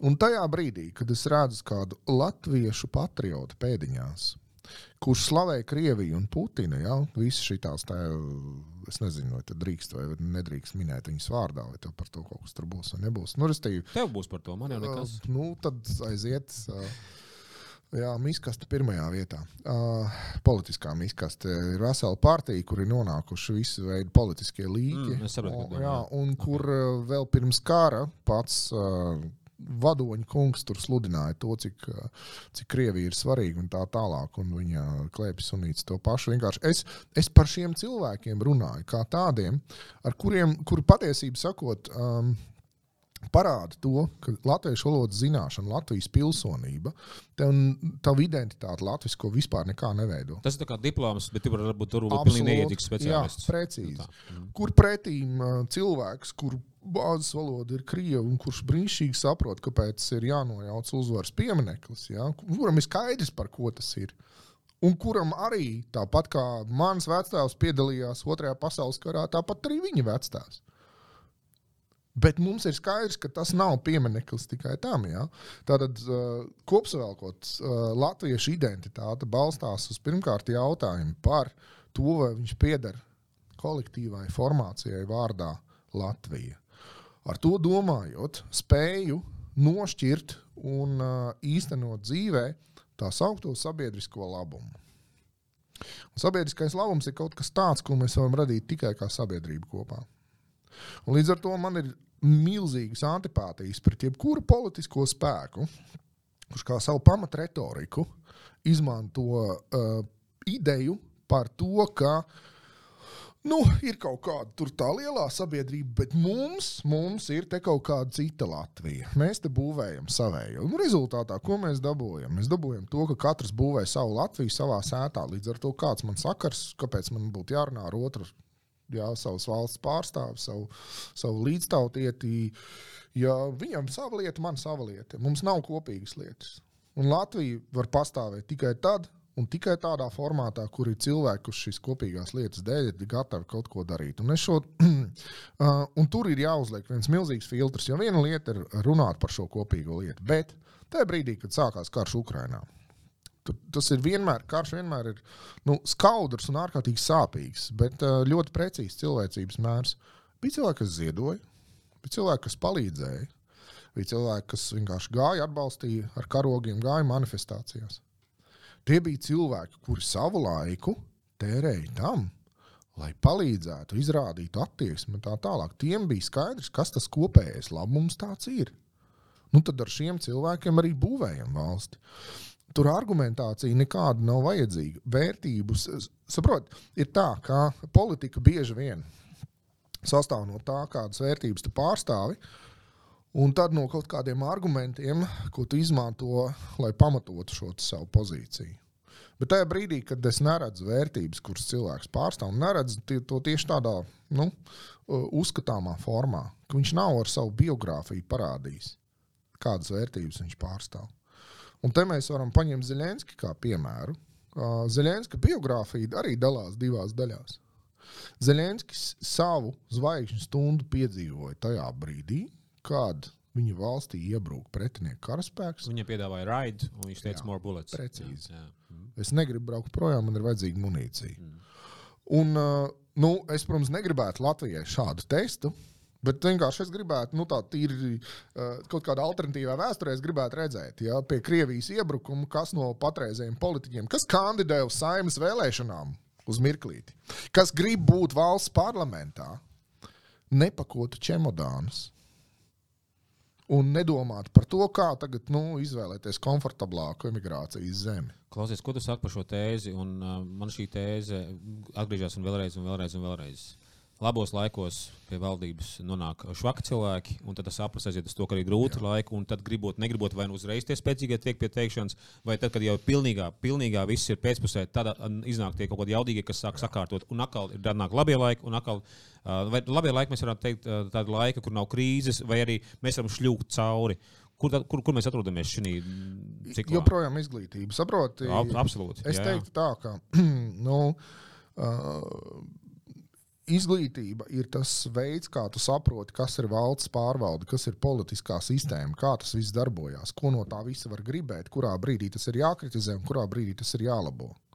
Jā, lielākā daļa um, valstu, kas ir veiksmīgas, nu, savu šo veiksmīgumu būvē. Nu, labi, es neesmu šito te atceļam. Es pateikšu citādāk, citādi es te tagad kaut kādas veiksmes formulas dāvāšu. Uh, varbūt es no tā neko nejēdzu. Es drīzāk pateikšu šādi. Šī izklausās pēc gudra cilvēka paziņojuma. Varbūt es šo nejēdzu. Es apsveicu. Redzi, eh, es par to domāju. Vienkārši man vienmēr galvā stāv tāds modelis. Es, es sāku no maza. Es iedomājos, mēs dzīvojam ciemā. Mums tur ir kaut kādi 50 vīri, 50 sievas, bērni, sirmgalvi. Jā, nu tur aptuveni tādu. Kopā mēs esam uh, skaita ziņā, nu tur ap 300. Cik tur ir karotāji vīrieši? Nu, 50 tie paši. Tad skaties, 300 cilvēku un 50 karotāji. Ja mēs ieviešam demokrātiju un sakam, ka uh, jābalso ir visiem, nu, kas ir pilngadīgi, Mēs palielinām vēlētāju skaitu no tā, ka mums ir 50 cilvēki, kas ies un reāli mirs un karos. Zidos savu ķermeni un dzīvību. Mēs palielinām teiksim, līdz uh, 180, nu, mīnus nomīnusojam bērnus, kur ir sirmgalvi, kuriem nu, ir savas dzīves uzstādījums, kur ir sievietes, kas tur vispār iebilst pret vardarbību un tā tālāk. Nu, mēs dabūjam situāciju, kur varošais, darošais ir vienmēr mazākums. Mm -hmm, sapratu, jā, Tas, jā. kuri atbildēs ar savu vārdu par rezultātu, būs vienmēr mazākums. Un demokrātijas lielais mīnus ir tieši tas, ka demokrātiju ir ļoti viegli destabilizēt ar, piemēram, vecmāmiņu partiju nu, vai vectētiņu partiju. Jā, vai tīņu partiju, vai kaut kādu citu partiju, kur pēkšņi paziņo, ka viņu unikālās intereses šajā lēmumu sistēmā nav īstenotas. Uz ko kvalitatīva atbilde ir tāda, ja es tev iedošu zobenu vairāk tu nāks cīnīties un mirt par šito, nē, nenākšu, nu tad aizveries un sēdi stūrī. Ja tu neesi gatavs par savu valsti nolikt visdārgāko, tev nav tiesība runāt par to, kādas politiskās pārmaiņas tu gribētu, jo tev nav kritērija, pēc kura tu to mērīsi. Klausies, tas ir ļoti labs jautājums, tāpēc, ka uh, pateikšu savu vienu, vienu uh, ahilē papēdi, ko es konstatēju šajā vispār, vispār, vispār stāstā par Ukrajinu. Tad es esmu tāds uh, pasivists Totāls mm -hmm. pacifisms, cik vien iespējams, visos iespējamos formātos un tā tālāk. Dēļ tā pacifisma mēs piefiksējām, man bija nāca racionalizācijas par Krīmas gadījumu. Man tur bija mani paziņas, Ukraiņi, Ukraiņi, kas ļoti daudz racionalizē to, ah, nu, ok, labi, rekur agrāk jā, viņi, tur, tad viņi bija turkiem, tad viņi bija Ukraiņā, tā kā Hruščovs kaut tur atdeva, un, nu, jā, vienalga. Un aiziet tāda racionalizācija, kurā es saprotu, principā, ka es neslēdzu iekšā kritiskā domāšanai, analizēt kaut kur dziļāk. Un vēl plus vēl pacifisms, kas tur, ko tur viss kopā un tā tālāk.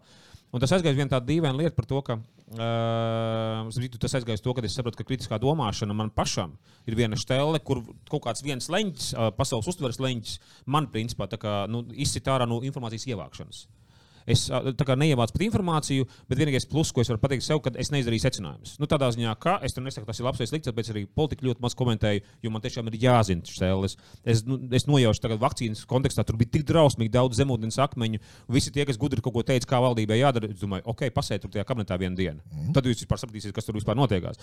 Bet anyway, man šis aizgāja uz to jautājumu par to, ka, uh, kādā veidā es varu saprast par šo valsts aizstāvēšanas ideju. Jo, piemēram, um, nu, kas ir valsts, principā tā ir kaut kāda cilvēku grupa, kas ir vienojusies par tādiem spēles Precīzi. noteikumiem un tā tālāk. Jautājums vienkārši mēs esam kultūrā, tajā, vai mēs esam tajā kultūrā. Pieksim, mēs, esam vairāk, mēs, esam, mēs esam Eiropas kultūrā, mēs gribam būt vairāk Eiropas kultūrā. Ja? Bet atkal, kas ir Eiropas kultūra? Jo šobrīd Eiropas identitāte mainās patiesībā. Ja? Piedod, Vācija, Francija maina šobrīd attiecībās ar Putinu, viņi maina Eiropas uh, identitāti. Ja Protams, jā, jā, jā. jā.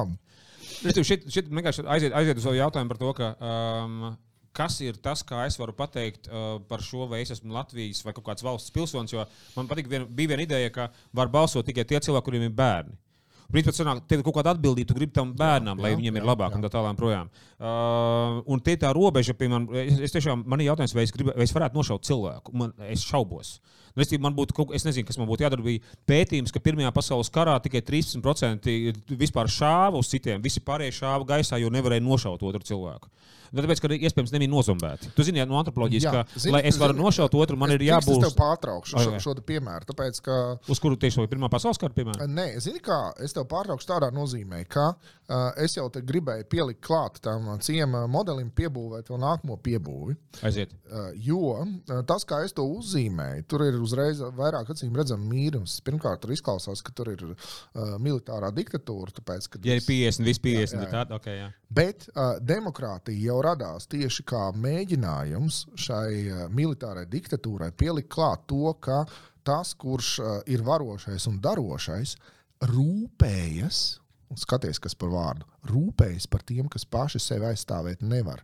Viņa loģika ir nevis es rīkojos, man ir vārā, es rīkojos, kā man ir izdevīgi, kas ir klasisks Latvijas politiķu modelis, tikot pie varas, viņi rīkojas kā viņiem ir izdevīgi. Bet es rūpējos par tiem, kas par sevi citādāk parūpēties nevar. Galējais modelis Lukašenko, Jā. piemēram, viņš rūpējās par Baltkrieviem. Nē, ne? viņš nevis rūpējās, oh, piedod, viņš rūpējās tāpat kā aptuveni kā Džeks, kurš tev pieķēdē pie radiatora un katru nakti tev vienkārši tev reizēm atnes ēdienu. Nu, okay. Tā viņš rūpējās. Ja, vienā gadījumā tas ir viņa iekšējais racionalizācijas process. Um, tur ir līdzība kaut kāda. Nē, tur, tur, tur Aiziet, mēs ar Baltkrieviju mēs vienkārši vēl, vēl ieklausīsimies. Okay. Uh, un atgriežoties atpakaļ pie šī priekšstata, uh, es, es piedāvātu mm, valsts dienestu un militāro dienestu kaut kādā, es, nu, tā ir vienkārši fantazēšana, tāpēc, lai, lai būtu skaidrs, ka man tas nav pabeigts koncepta līmenī. Bet uh, pilsonība, balsošana, pilsonība tādā politiskā nozīmē, pilsonība nu, juridiskā, nu, ka tev pasi, kur tu ceļo, tas ir cits jautājums. Bet balsošana ir saistīta ar to, ka tu esi pavadījis teiksim, desmit gadus valsts dienestā. Tieši valsts dienestu apvienojot teiksim, militāro un valsts dienestu. Tā, teiksim, tādam kā tu, kurš ir pats, viss tev nav jāiet šaut, bet davai, teiksim, nezinu, tu nodrošini uh, armijas piegādes, ja tu tur teiksim, parūpējies, lai tam karavīram ir normāls ekipējums. Un tajā brīdī, kad tu saskaries ar šo, uh, pirmkārt, tu zini, cik ir karavīri, otrkārt, tu zini, cik viņi mirst, treškārt, tu zini, kas viņam kas ir siltāks uh, vai, vai labāks vai piemērotāks. Un, tu esi, un, un tu šie desmit gadi tavas dzīves tiek nolikti uz šī kopības altāra. Tāpēc, lai pēc tam iegūstot balss tiesības, tu saprastu, ka ne jau nu, šito idiotu dēļ, tu desmit gadus tur reāli, reāli drukāji valsts labā. Ne jau tāpēc, lai ievērētu to kretīnu vai to kretīnu. Un tu ievēlēt drīkst arī tikai tādus, kas paši tur ir desmit gadus pavadījuši. Un tā, respektīvi, tur parādās tas, ko es piedāvāju šeit, ir, ka valsts kļūst par tavas, nu, tas ir, man liekas, tālēbē tā grāmata, kas bija spēle, kaut kā tas. Uh, skin in the game vai kaut kas tamlīdzīgs. Mm. Es dzirdējis, bet neesmu lasījis. Ne? Nu, es viņas pāršķirstīju, es beigtu tur dziļi arī neesmu lasījis. Bet tas koncepts viņam tāds ir, ka cilvēki, kas pieņem lēmumus, viņu, viņu dzīvē nemainās no tā, ka tie lēmumi izgāžās. Un mums vajag padarīt politiku un valsti par sfēru, kurā es nesu gandrīz vai tiešu atbildību. Ja, par to, kādas lēmumus es pieņemu. Un to var panākt, teiksim, piedāvājot šādu te sistēma, kur es strādāju valsts labā, kur pēc tam es nevaru vienaldzīgi pret to izturēties. Es nevaru pateikt, man ir vienalga. Nē, man nav vienalga. Un es līdz ar to man iestājās citi kriteriji, kā es izvēlos uh, līdzbiedrus uh, un tā tālāk. Tā tālāk. Līdz ar to samazinās balsotāju skaits kuri balso par to, lai kopējā sistēma, to, kas nu, nav spējīgi līdz šādam valstiskam līmenim pacelties, par viņiem parūpēsies. Iztiku viņiem nodrošinās. Jums ir galvas būs, drošība arī būs. Galvenais, kas nebūs, lai šie idioti nelēma par valsts likteni, tāpēc ka viņus var pārliecināt visādi gobzemes, leseri un visi pārējie. Tie viņus var nopirkt, jo tas, kas Eiropā ir izveidojies, ir diemžēl situācija, kur birokrātija dala valsts budžetu, lai apkalpotu visus, kam nepieciešama pabalsti. Te, tas ir drausmīgi primitīvs skatījums. Es, nu, bet, eh, bet ideja aptuveni tāda, mums ir mums dzīvojam pārticīgi, mums nav jārisina nekādas globālas problēmas. Mums principā jāsadala valsts budžets un jāsadala tas tā, lai visiem ir laba dzīve. Un šajā brīdī kā, kaut kādā mirklī kļūst skaidrs, un tas ir arī tas, ko parasti parast pārmet uh, partijai vienotība, kas viņiem būtu jāpadomā ļoti stingri savu vēlēšanu sakarā. Viņi ir, uh, viņu uzticība valstī ir uzticība valsts aparātam. Viņi citreiz nepamana, ka šis valsts aparāts neredzēs tā konkrēto cilvēku kas ir padara nu, šos cilvēkus ārkārtīgi aizkaitināts un viegli pieejams dažādu populistu aģitācijai. Ja mēs nevaram slēpties aiz valsts, mēs nevaram paslēpt, paziņot valsts aprāts un valsts ir identiskas lietas, tas nav tā. Un uh, teikt, ka, ja tu neatbalsti stabilitāti, nu tad, ja, tad tas arī tā nestrādā. Uh, kara laikā cilvēki atbalstīja stabilitāti. Protams, tas ir tas iemesls, kāpēc uh, ja šī partija dabūs diezgan, diezgan labus rezultātus. Bet uh, Viņiem vajadzētu ņemt vērā to, ka viņu primārais uzdevums ir parūpēties nu, būtībā par tiem, kas citādāk paši par sevi parūpēties nevar. Un nevis bezgalīgi atrašot birokrātijas sistēmu, kas diemžēl ir Eiropas lielākā sērga. Kā mums nav spilgti politiķi, mums nav spilgti valsts, tāpēc viņi nav vajadzīgi. Mums ir vajadzīgi efektīvi birokrāti. Ar šo birokrātiju pārstāj būt efektīvi. Nu, aizejot līdz zināmām robežām, viņi tur, tur sākās tie birokrātiskie absurdi. Ja. Pat uh, Ukraiņas frontē es klausījos, ja, ka tagad tikko fronte ir nomierinājusies nostabilizējusies, tagad visiem tiem lauku komandieriem ir jāraksta atskaits par to. Cik viņi tur munīcijas iztērējuši, un kāda tehnika kaut kur ir palikusi, nav palikusi. Kāpēc?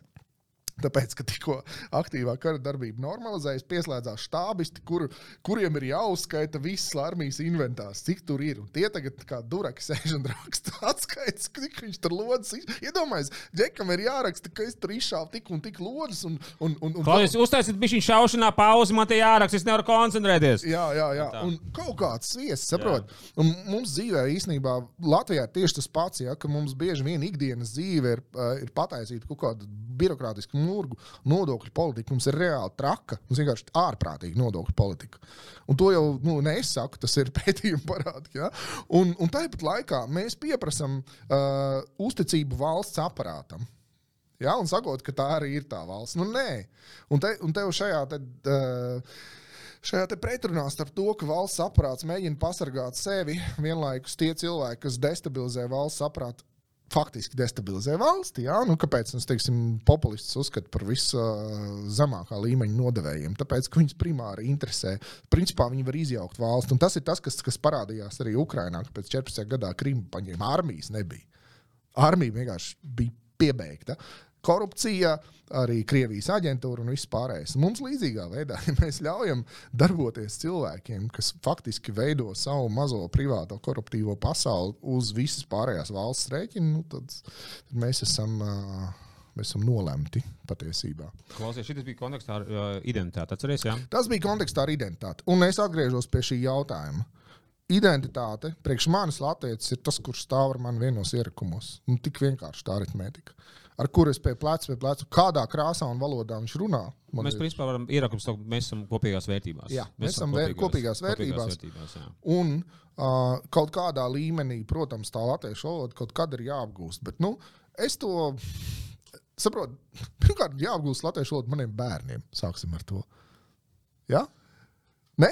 Tev tā nešķiet. Nu, ne, galīgi, kā, ne, es aizdomājos par citu lietu, par to, ka man liekas, ka, kas ir Latvijas. Nu, Protams, davai mācām latviešu valodu saviem bērniem, un ja mūsu bērni būs tik jaudīgi, mm. Ka, Ok, okay, ok. okay. ka, ka, ka viņi aizies uz skolu, un tur viens saprot, Vietnams cilvēks. Viņš gribēs ar čomu, Jā, lai, lai man jā, būtu jā. manam dēlam čoms. Viņš viņu latviešu runās.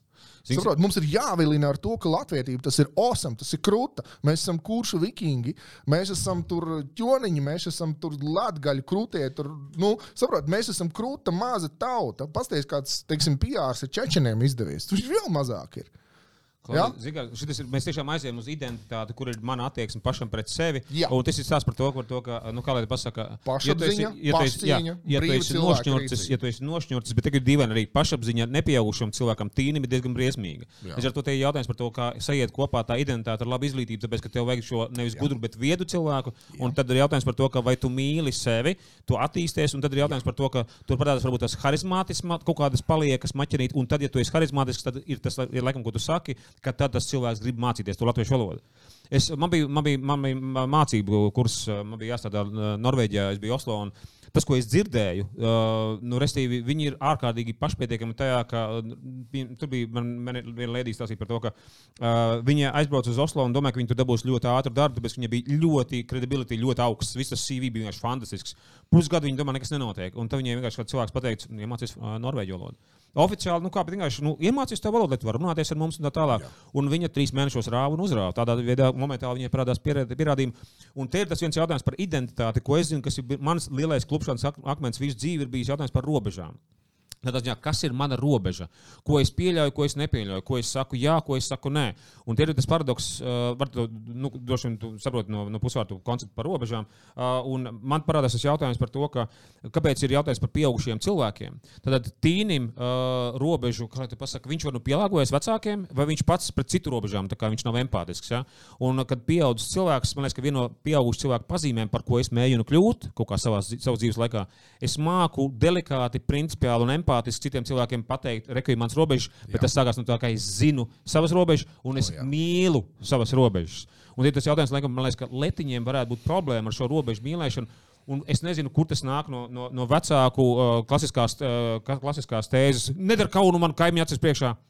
Tā ir viena no tādām lietām par to, ka tev jāstāsta kā kaimiņš, un ka kaimiņu acīs, ja tu padari kaunu mammai, pieņemsim, kā tas notiek. Tur ir daudz tādu bērnības ģimeņu modeļu, kas man nāk prātā. Respektīvi, tajā identitātē ir šis jautājums par robežām. Vispār, kā Latvijas var pateikt, šī ir mana robeža, un lai viņš nebaidās no tā, ka viņš saka par to savu robežu, un lai viņš iemācās mīlēt tās savas robežas. Tas, ka principā, kā robeža ir vērtība ietvers, ne? Ja tā paņem. Precīzi. Nu, tad mēs nonākam pie galvenā izglītības mērķa, kuru tad beidzot var noformulēt sarunā. Aiziet! Jā, audzināt brīvus cilvēkus. Okay, kas, kas zīmīgi, uh, kas ir interesanti. Uh, šīs tēzes, uh, nu, varētu par viņām paķiķināties, nu, ko Elija droši vien pateica, vai kaut kas tamlīdzīgs. Jo viņas, viņas ir semātiski tik ietilpīgas. Uh, Man saliek telefons, uh, kad es slēdzu iekšā telefonu, tu biji viena no pamat budismu tēzēm te un tagad. Un uh, es viņu katru reizi, kad ieslēdzos telefons, man tā te, tēze izgaismojās, un ko es fiksēju, katru reizi man ir jauna nianses, kas man tajā tēzē parādās. ne? Tāpēc, ka viņi ir tik ārkārtīgi visaptvaroši, un viņi, diemžēl, var izmantot pilnīgās muļķībās, un viņi var izmantot arī nu, tā ļoti, ļoti Jā. semantiski ārkārtīgi dziļš, dziļš koncepts un tā tālāk. Jā.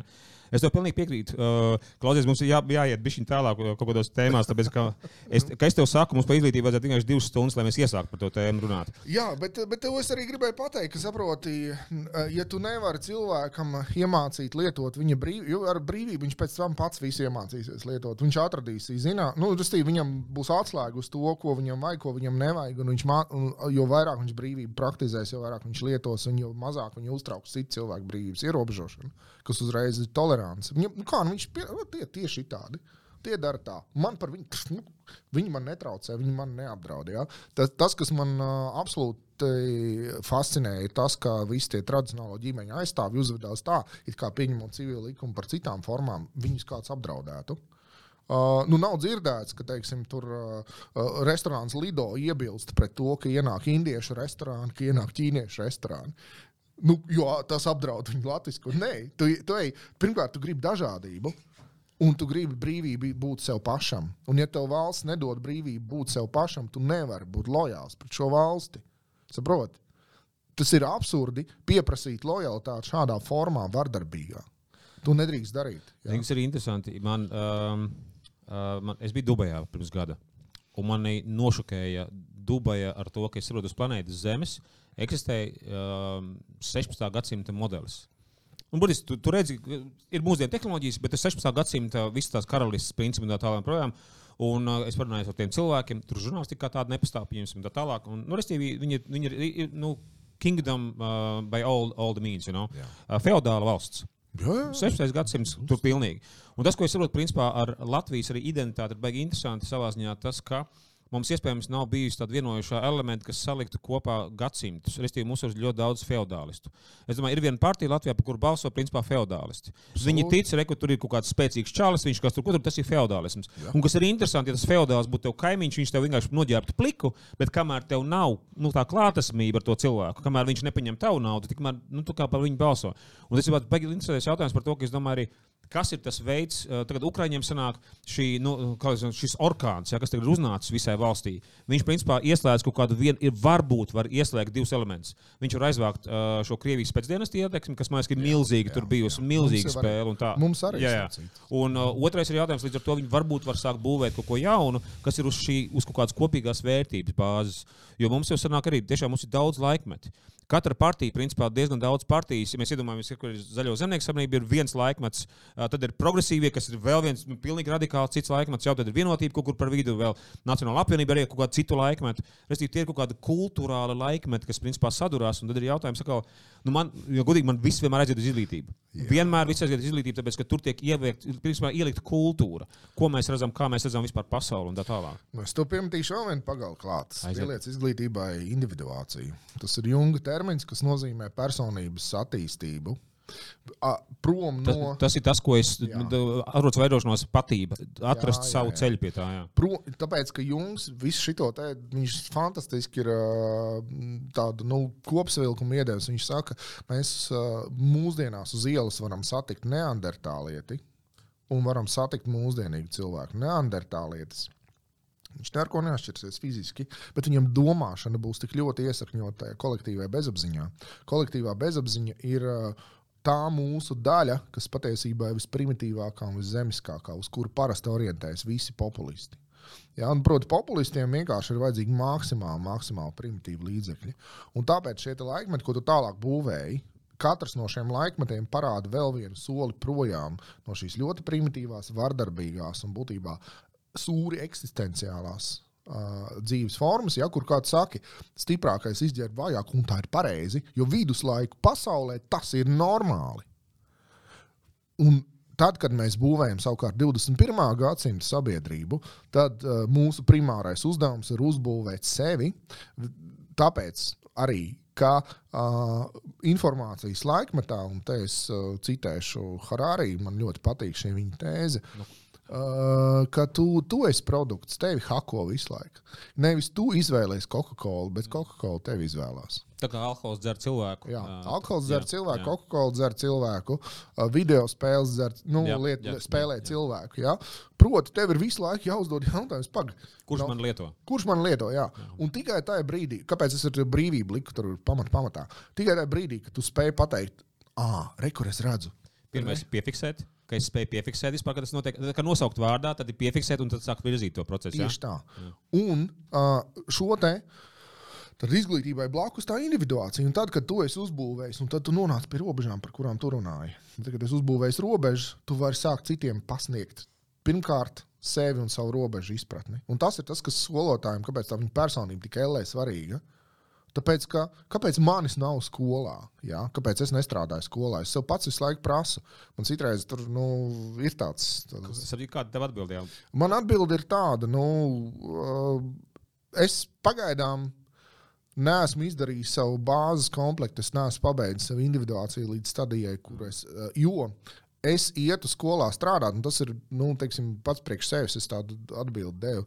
Es ietu skolā strādāt tieši tāpēc, lai ienestu skolā maksimālu. Uh, elitāra, nu, elitāra pozitīvā nozīmē, augsta līmeņa vienkārši, augsta līmeņa attiecību formātu, eh, skatījumu un redzējumu. Es, piemēram, iedomājos, nu tā, pavisam vienkārši ņemot, ja, ka ja kādam mūzikas skolotājs, tur pieņemsim, ir Raimons Pauls, nu vienkārši iedomājieties, Raimons Pauls strādā parastā vidusskolā par mūzikas skolotāju. Tu domā, tur klasē Bartaks būtu? Nekad mūžā. Tu zini, šis ir baigi dīvaini. Tu, tu, esi skolā strādājis kaut kādu nedēļu, pirms mēs strādājām. Es esmu skolā, teiksim, tā. Tas un varbūt šī te arī vajag, vajag nomīsot visu to, ko es saku, tāpēc, ka iespējams es neesmu šādā formā strādājis. Bet tas, ko es zinu par uh, attiecībām bērniem, tā nozīmē, ka es esmu strādājis vasaras nometnēs. Tad no turienes man viss priekšstats. Ah, okay. Es vasaras nometnēs esmu ar bērniem strādājis jau kuru gadu, šogad arī.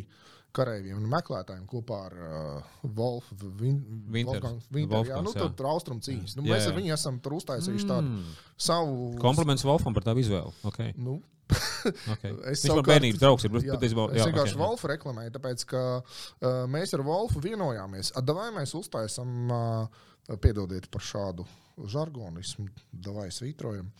Uh, Wolf, kāpēc gan mums neuztaisīt vienu vasaras nometni? Aiziet, uztaisām nometni. Jā. Aiziet, uztaisām nometni, kur mēs praktizējam būtībā samurāja skatījumu uz dzīvi ar visām mm. vērtībām, ar visu klāta garīgo aspektu. Jo es viņiem, es tiem bērniem tur kaut kādas lekcijas lasu. Nu, kāpēc es saku kaut kādas? Tāpēc, ka tas ir, tas ir viens no nervozākajām pieredzēm manā mūžā. Tāpēc, ka man ir jānotur uh, Uzmanība. jā, Jā, uzmanība jā. vecumā tur no 8 līdz 15 Wow. ar, ar kaut jā. ko starp diviem treniņiem. Klausies, restīvi, es pateikšu, vienkārši, man, man liekas, ka mēs esam baigi garšīgi aizpļāpājušies. bet Es pateikšu vienu piemēru um, par to, ka uh, es pagājušajā rudenī nostādīju vienu nedēļu skolā uh, tēmu par motivāciju, par to, kā es varu atrast kaut kādas lietas un tā tālāk. Un tas, ko es sapratu, uh, tad, man liekas, ir salīdzinoši jēdzīgi. Uh, Restīvi, es ne, negribu vispār kriptiņu sev slavēt, bet vienkārši salīdzinoši jēdzīgi darbojos ar pieaugušiem. Uh, skolotāji it kā ir grūti auditorija, bet man skolotājiem ļoti patīk strādāt. Es varu atrast kopīgu valodu skolotājiem, tā tālāk es viņus saprotu, man liekas, viņš jūt un, tā tālāk. Tagad uh, biju ar banķieriem kaut kur tie pašā Norvēģijā, arī ar, var atrast kopīgu valodu. Ar bērniem tas, ko es saprotu, tā ir pilnīgi cita komunikācijas forma, kurā man ir jākļūst par labā nozīmē, par gudru uh, dzīvnieku dresētāju, kurš palīdz vadīt impulsus. Un tur ir pilnīgi cita stila. Man bija pārsteigums, man bija šoks. Es vienā no klasēm pacēlu balsi. Tad Jā. es nedēļu strādāju, pacēlu balsi, bet tagad ir triks runājot par savām robežām. Tā mana identitāte, tā, identitāte tāda, ka es neko nedarīšu. Un, kad es to grasījos darīt, es padomāju, tā es nomierinājos, es izelpoju lēnām. Es zināju, es zināju ka es tagad pacelšu balsi, lai savāktu klasi. Uh, tad es to izdarīju. Man bija pašam šoks, un es, apmēram, es aizgāju tajā vakarā gulēt. Uh, es aizgāju vakarā, vakarā gulēt, domāju, ko es esmu izdarījis, kas ir man noticis, kas ir, man, kas ir tāds vispār esmu. Otrā dienā tās klases bērni atnāca man uzdāvināja kaut kādu tur, kaut kādu tur našķi. Viņi bija nopirkuši kaut kādu Coca-Cola ar tos koribo kaut kādiem mācīšiem. Nu, nu, to, jā. to, tas, kas ir viņu tā lieta, par to, ka tā bija ļoti laba stunda. Un te es saprotu, cik es maz saprotu. Restīvi, man būtu Precīzi. gadu, gadu man būtu jāmācās, Jā. lai saprastu vispār tās robežu spēles. Jā. Un tas ir tas ko, tas, ko es arī piedzīvoju tur tajā nometnē, ka es tur mācījos, un es sapratu tur vienu fundamentālu lietu. Viņi uztvers tevi tikai tik tālu, cik tālu tu dzīvo, tā kā tu runā. Tur ir pilnīgi atbilstība starp vārdiem un darbiem. Autenticity. Jā. Restīvi, tas ir autentiskums, tā patības lieta. jā. Būtībā iemieso to likumu, ko tu gribi iemācīt. Tur bija? Klausies, bērns. Uh, es tev ieteiktu, lūdzu, varbūt nepīpēt. Uh, Pīpēt tiešām. Jā. Pīpēt nav labi, pīpēt nav veselīgi un tā tālāk. Precīzi. Tā, jā, jā. Nē, mēs tur, mēs tur tajā nometnē, un nākamais, ko mēs tur darām, mēs, mēs tur salīdzinām. Es tur nodarbojos ar tādu, kā es mēģinu saprast, ā, kuram bērnam, teiksim tā, kuram ir ok, lietas mierā, viņš pats viss izdarīs, kuram ir vajadzīga saruna par to, kāpēc viņš šeit ir. Jo viņa vecāki ļoti grib, lai viņš attīstās. Viņ, viņam ir bail, viņš ir atsūtīts. Nu, tik, uz, uz tādu kampu, jā, vienam jā. ir uh, foršā. Brīvība, vecākiem ir brīvība no bērniem uz nedēļu. un tā, jā. Un, uh, un, un kāpēc viņš raud un ilgojās pēc mājām? Mēs par to runājam. Un uh, trešajam, nezinu, tur tīnis, kurš nevar saprast uh, savu kaut kādu seksualitāti, mēģina risināt. Un kuram ir ar to kaut kāds tur zvērīgs problēmas, kuram ir, vot, viņš nevar neko padarīt, tāpēc, ka viņam šis jautājums viņam svilst visvairāk. Un tad mēs par to runājam. Un tad, mēs, uh, un tad beig, beig, beigās ir tā, ka ir bijušas tad varianti, ka tās nometnes beigās man ir tāds mazs sarunas ar visu ģimeni, kur es te pastāstu, nu, kas ar to bērnu ir noticis, un tas bērns pasaka, kas viņam ir paticis. Un tad mēs vienojamies, ka, nu, ja jūs gribējāt kaut ko par savu bērnu uzzināt, tad rekur es jums varu piedāvāt šādu mazu kopsavilkumu tam, ko mēs esam te te padarījuši. Wow, ok, tas ir labi. Un to es, to es daru vienkārši tāpēc, ka es vienā brīdī jūtu, ka uh, nedrīkst atstāt šīs pieredzes tikai paša. Nu, bērni pēc tam nemāk izstāstīt, kas ar viņiem noticis. Tu palīdzi iereflektēt, jā? Jā, iereflektēt, ka bērns pats māca izstāstīt. Uh, Arī kā mēs to izdarījām. Un pēc tam tie vecāki jūt, ka tā nometne kaut ko ir, ir mainījusi. Mm. A, kā mēs varam bērnu mainīt? Mēs jau nevaram viņam no, no, no malas kaut ko uzspiest. Mēs varam tikai attīstīt to, kas viņā pašā ir. Proti, neapdraudēt viņa brīvību. Ja? Mēs saglabājam viņa brīvību. Mēs viņam pat zināmā mērā Saprot, mēs mēģinām viņam iemācīt noteikumus, nevis caur to, ka mēs viņus uzspiežam obligāti. Mums tikai viens noteikums, ko mēs uzspiežam pilnīgi un totāli, ka neviens nesāk ēst, kamēr visi nav pie galda apsēdušies. Neviens. Okay. Nav iespējas.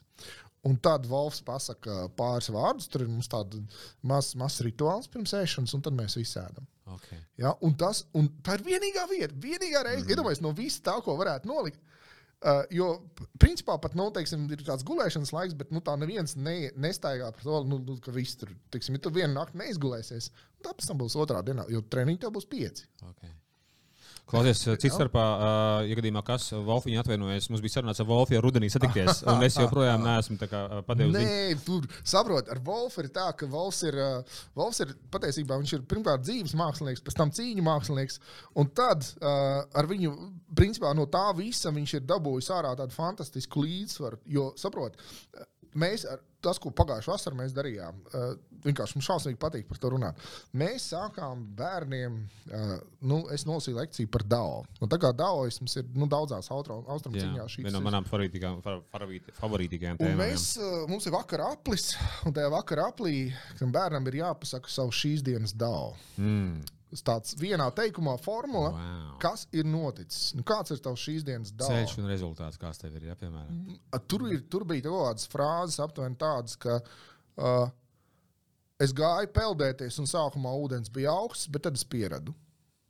Okay. Tas ir okay. astoņgadnieku dāvā. Tad, kad viņš viņu pasaka, viņš tev piedāvā izkristalizēt kaut kādu savu mazo pieredzes graudiņu, un tu tajā pēkšņi sadzirdi. Aha, Klausies, rekurīšu tēlā atkal par to identitāti. Atcerieties, runāju par tiem makro līmeņiem, nebeidieties runāt par dārzu vai par kopējo lietu.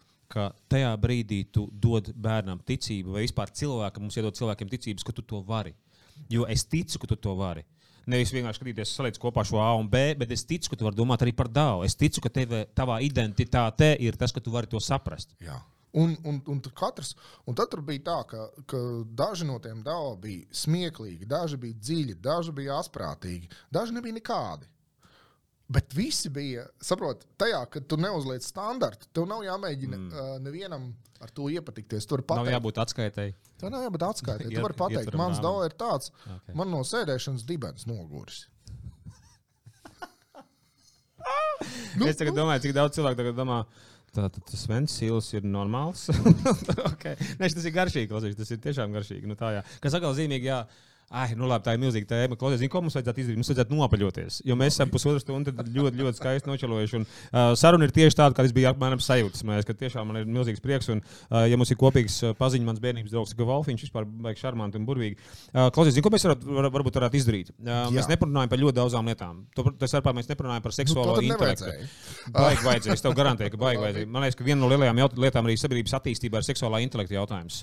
Tāpēc, ka man, nu, restīvi, es pat nesākšu to, to teikt, vienkārši pateikšu kopumā cilvēkiem, ka uh, mani ļoti tramīgi darīja kaut kādi pētījumi, kas liecināja, ka it kā esot reliģiozās organizācijas savulaik no mācītāja puses, kā, um, speciāli likuši šo stigmu seksualitātei, ka tas bija padarījis apātiskākas sievietes, uh, kuras kā, ietekmē kaut kādus kopējos procesus ciemos. Līdz ar to tāda kā vara, reliģiskā vara bija spēcīgāka. Tur tie pētījumi ir ļoti daudz un dažādi. Rekrutovs jā, jau kaut ko tur stāsta, bet man nofinansējam varbūt uz vienas pozitīvas lietas. Reku, mēs esam Innovating Humanity. -hmm. Ir stāsts par to, ka ir cilvēks, tur ir div, divas nozīmes. Humanity kā cilvēce un humanity kā cilvēcība, cilvēciskums, cilvēcīgums. Un es tīvi domāt no jauna, pārdomāt paši no sevis no jauna. Tu jau sāk runāt par to, kā varbūt no citas puses politikai pieiet. Mums ir jautājums, mēs parunājam, kā no citas puses pieiet izglītībai. Um, kas ir viena lieta, kas tev ir bijusi tāda laba lieta, vai mēs varbūt tādas pozitīvas nots noslēgtu? Kas ir bijusi laba lieta, kas tev ir bijusi tāda, ka liekas, oh, tas ir kaut kas jauns un labi jauns izglītībā? Kas ir tas, ko tu esi piefiksējis pēdējā gada, piecu gadu laikā, kas varbūt tev nāca tā, tā prātā? Tu neesi to sagatavojis, es tev neesmu vispār nekādus tādus jautājumus sūtījis, loģiski pirms tam, bet kas tev nāk prātā? Labi, jauns izglītībā, tu domā. Es... Jā, ko mēs varētu teikt, ka tas ir kaut kas tāds, kas ved mūsu to innovatīvu humanity, kas kaut kas es, uzlabojās. Uh, es mēģinu pats visu laiku šo te, nu kā atklājis, nu, es, es mēģinu šo te saprot, man tā stulbākā lieta ir tāda. Es esmu nostrādājis izglītības sistēmā 22 gadi. Un es, es visu laiku prasu, ko es tur daru, nu, ko es neesmu izdarījis. Un uh, vienlaikus katru reizi, kad es nolasu lekciju tā, kā man patīk. Es tur esmu dabūjis emocionālu kontaktu, ka mēs esam sasnieguši to dramaturgisko virsotni, kas tur vienmēr iebūvēta tajā lekcijas audumā. Mēs tas, tas, tā, tā problēma milst, milst, milst, milst un mēs viņu atrisinām kaut kā. Tur ir uh, veidi. Un tad, kad tas tā ir noticis, un tad, kad tie cilvēki viņi, viņi sēž un tur redz, ka viņos viņiem acis smirdz, un dažiem no asarām, dažiem no jautrības, daži, daži atkal sēž un smejas par savu dumu lēmumu, kā tieši tāpat kā es to esmu darījis savulaik, un joprojām turpinu darīt. Man dažkārt lekcija vienkārši es, es laimē smeju par to, cik es esmu stulbs un ka es to tagad zinu. Ja? Un, un, un uh, manā ideālajā variantā izglītība ir. Uh, es, es atgriežos izglītībai priekšstatu un, un tos, to ideju, ka tā ir elitāra lieta. Lai panāktu vienu lietu, kam nav interesanti, viņi pameta auditoriju. Atstāt šīs durvis vaļā, bet uz izēju. Ja tev nepatīk, ej. Paliek tie, kam vajag. Paliek tie, kam gribās, paliek tie, kas tur ir. Un tas ir mans uzdevums viņus piesaistīt. Un man tāpēc ļoti patīk šī te, uh, drīzāk komerciālā izglītība, jo komerciālajā izglītībā Ja tu būsi drāmīgs, uz tevi neviens nenāks. Un, un ir, tai, tas ir taisnīgi, ka uz tevi nenāk. Bet es tikpat labi saprotu, ka reizēm uh, mums ir vajadzīgi šie meistari tādā līmenī, ka uz viņiem nekad nekādi bari nenāks. Un tas arī nav vajadzīgs. Bet mums ir uh, nu, izglītības sistēmā, es atgrieztu pirmkārt. Elitārismu, otrkārt, tas nozīmē, ka mums ir jāatgriežas pie tā, ka skolotājs pirmkārt ir meistars, savu amatu meistars un kaut kur dzīves meistars. Jo tas, ko viņš pasniedz caur savu priekšmetu, ir kā būt brīvam un sevi realizēt. Un tā brīvība ir katra priekšmeta pamatā. Matemātiķis māca brīvību caur skaitļiem, dabas zinātnieks brīvību caur dzīvības izpratni un organiskās pasaules kopsaistībām. Humanitārais uh, speciālists māca brīvību caur valodu un domāšanu. Un tad, kad mēs saliekam šos brīvības aspektus kopā, mēs iegūstam neko citu kā tikai vienīgi brīvu cilvēku, kurš saprot pasauli un saprot sevi un savu miedarbību ar pasauli. Nu, tā būtu tāda īsā formula. Un ja mēs šo, eh, šo varam izveidot kā priekšstatu, jo es strādātu universitātē, piemēram, kurā pirmajā kursā studentiem tiek doti uzdevumi, kas atsijā būtībā viņu sadala pēc tā, pēc viņu uztveres līmeņa, pēc viņu talanta līmeņa un ļauj uh, saprast, vieniem izglītība vienkārši tālāk nav vajadzīga. Tu viņš dabū diplomu par to, ka viņš savus griestus ir sasniedzis. Viņš pēc desmit gadiem drīkst atgriezties, viņam vajag, mēs atkal viņam izsniegsim diplomu. Ja viņā nekas nebūs mainījies, viņš tāpat. Un viņam ir, saprot, es teiktu, izglītība nav vajadzīga katram, un tāpēc tā ir elitāra. Nevis tāpēc, ka jo, jo mēs esam padarījuši izglītību saprot, par tādu lietu, kur principā jebkurš var kļūt par doktoru zinātņu. Nu, ja viņam ir gana daudz uzticības. Jā, jā. Bet tas neko neliecina par viņu talantiem, vai spējām, vai pat tālāko pielietojumu. Vienkārši tu baigi gribi doktora grādu, tu viņu vari dabūt. Klausies, uh, elitārisms un nākamais, tu tas tik nenormāli uzliek prasības pasniedzējiem, ka mm. pasniedzējiem ir jābūt, nu, tātad, pirmkārt, izgājušam personīgo psihoterapiju, tāpēc, lai viņš savus neirozes nenodot skolēniem. Uh, Otrakārt, spējīgam pašam piedāvāt šādu psiholoģisku asistenci skolēniem, kas ir nepieciešama. Un treškārt, viņam ir, nu, Uh, viņam tas cilvēks ir jāatbrīvo iespējams no maldiem par viņa paša mazspēju, par viņa paša niecīgumu un jāparāda viņa dižums un jāiedod bišku drosmes, lai viņš to savu dižumu aiziet paņemt. Klausies, šis, ko, ko, tagad pateici, uh, man apmēram 35 aspekti šajā visā parādās, kas vēl vēl 3 stundām sarunas. Mm -hmm. man šī laikam nāk, es izglītībā iegādēju vienu vāciešu.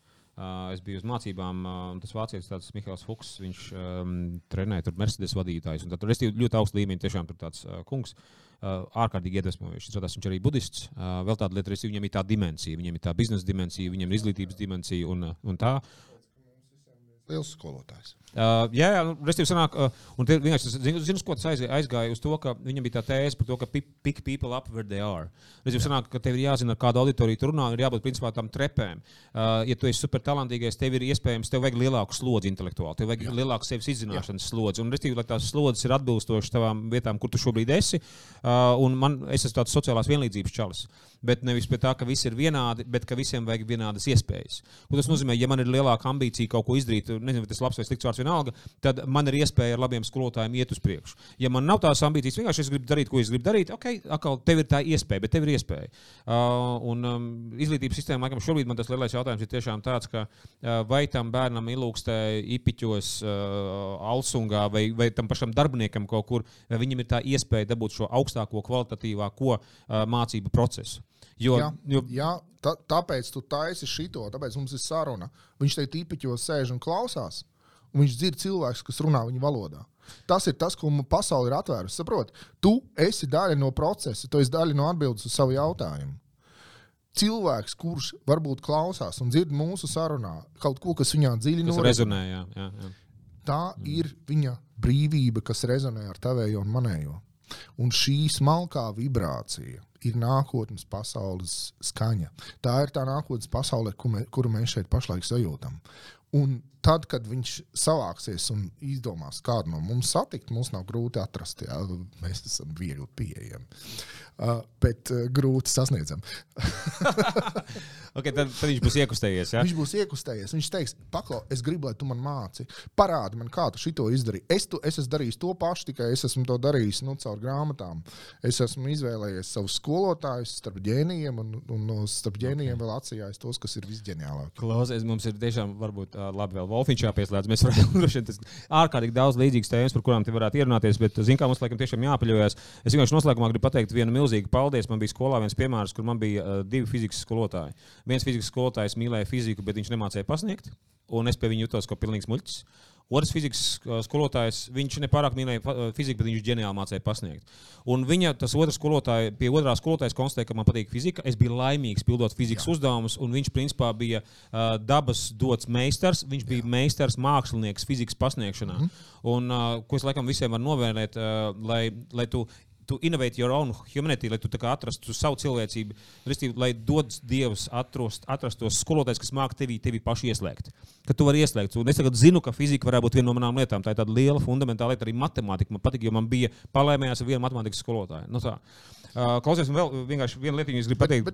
Zini, kā es uz šo gribu rezonēt. Tad, tad viens no vēstījumiem šai sarunai ir cilvēki, tu brīnišķīgais, kas tagad mūs klausās izvēlējies savu skolotāju. Un tad, kad es izvēlējies, neliec viņam mieru tik ilgi, kamēr viņš kaut ko iemācīs. Jo pretējā gadījumā iznāk tā, ka skolotājs skolā strādādams uzmācās tev ar to, ko viņš varbūt varētu iemācīt. Tu no viņa atgaiņājies no šīs vasaras soda. Manuprāt, situācija ir jābūt pretējai. Tāpēc laipni aicināt, izvēlēties savu skolotāju. Un to mēs sakām katram bērniņam, kas atbrauc uz, uz karavīru meklētājiem. Mēs esam šīs nometnes skolotāji. Ja tu mūs izvēlēsies arī par savu skolotāju, mēs tev varbūt kaut ko iemācīsim. Mēs padalīsimies to, kas mums ir. Bet tev ir jāpaspēr šis solis pretī. Izvēlēties savu skolotāju, paņem, atzīsti to, jo, jo šajā nometnē skolotāja vārds ir likums. Bet tikai tad, kad tu esi izvēlējies skolotāju. Kas ir interesanti, man šovasar arī laikam, ir trīs nometnes, kurās es strādāju kā pasniedzējs. Un te parādās šī tiešām tā cilvēciskā saiknes jautājums, mm -hmm. kas, ko es esmu nometnēs redzējis. Tur ir tiešām tādas mēķētākas grupas novākušās un tā tālāk. Uh, klausies, mīļš, paldies, tev, ka atnāci. Es gribu milz, milzīgi paldies pateikt uh, Your Agency LV gadījumā, kas tad, tad mēs šo visu rakstam šeit kopā ar Your Agency.lv cilvēkiem, un šī ir viņu studija. Milzīgs paldies. Un, ja gadījumā kādam vajag digitālā satura ražošanas palīdzību, atbalstu, droši meklējiet rokā komandu. Ļoti, ļoti forši gan Ilmārs, gan, gan Artūrs, gan vēl te pārējie cilvēki. Uh, Vent, um, mana pirmā saruna ar tevi ir bijusi tieši tāda, kā es to iedomājos. Tiešām, jo kā tāda rezonanses lieta, dažkārt ir uh, ārkārtīgi silta un, uh, un es teiktu, lieglaimīga. Uh, kaut Paldies kā tā. Tev. Man tā patās. Tu saproti, tu man tu man ļāvi atvērties un pateikt ne tikai to, kas sasāpējis, bet arī kaut ko citu. To, kas tev nesāp. Jā, to, par ko es esmu svētlaimē. Okay. Uh, cerams, ka jums, jums būs svētlaimīga diena, vakars vai rīts, vai esat mašīnā vai gaisa balonā. Uh, mīliet sevi, uh, vai arī vismaz uh, uzliekat sev tādu uzstādījumu, es gribu sevi iemīlēt. Un uh, agrāk vai vēlāk parādīsies vai nu skolotāji, vai draugi, Jā. vai dzīves situācijas, kas ļaus sev bišķiņu vairāk iemīlēt. Uh, šī podkāstu otrais nosaukums varētu būt sevi latviešu mācās sevi iemīlēt. Vismaz latviskajā valodā, ko mēs šeit darām. Paldies jums, bučs, visiem! Paldies, paldies, paldies. Paldies tev arī īpaši no manas puses par to, ka tu, jā, tu to sarunu vadīji un nevadīji. Es nevadīju, vienkārši man ar tevi ir interesanti runāties. Man tāpat, tā, abpusēji. Paldies tev. Prieks tā, prieks tiešām.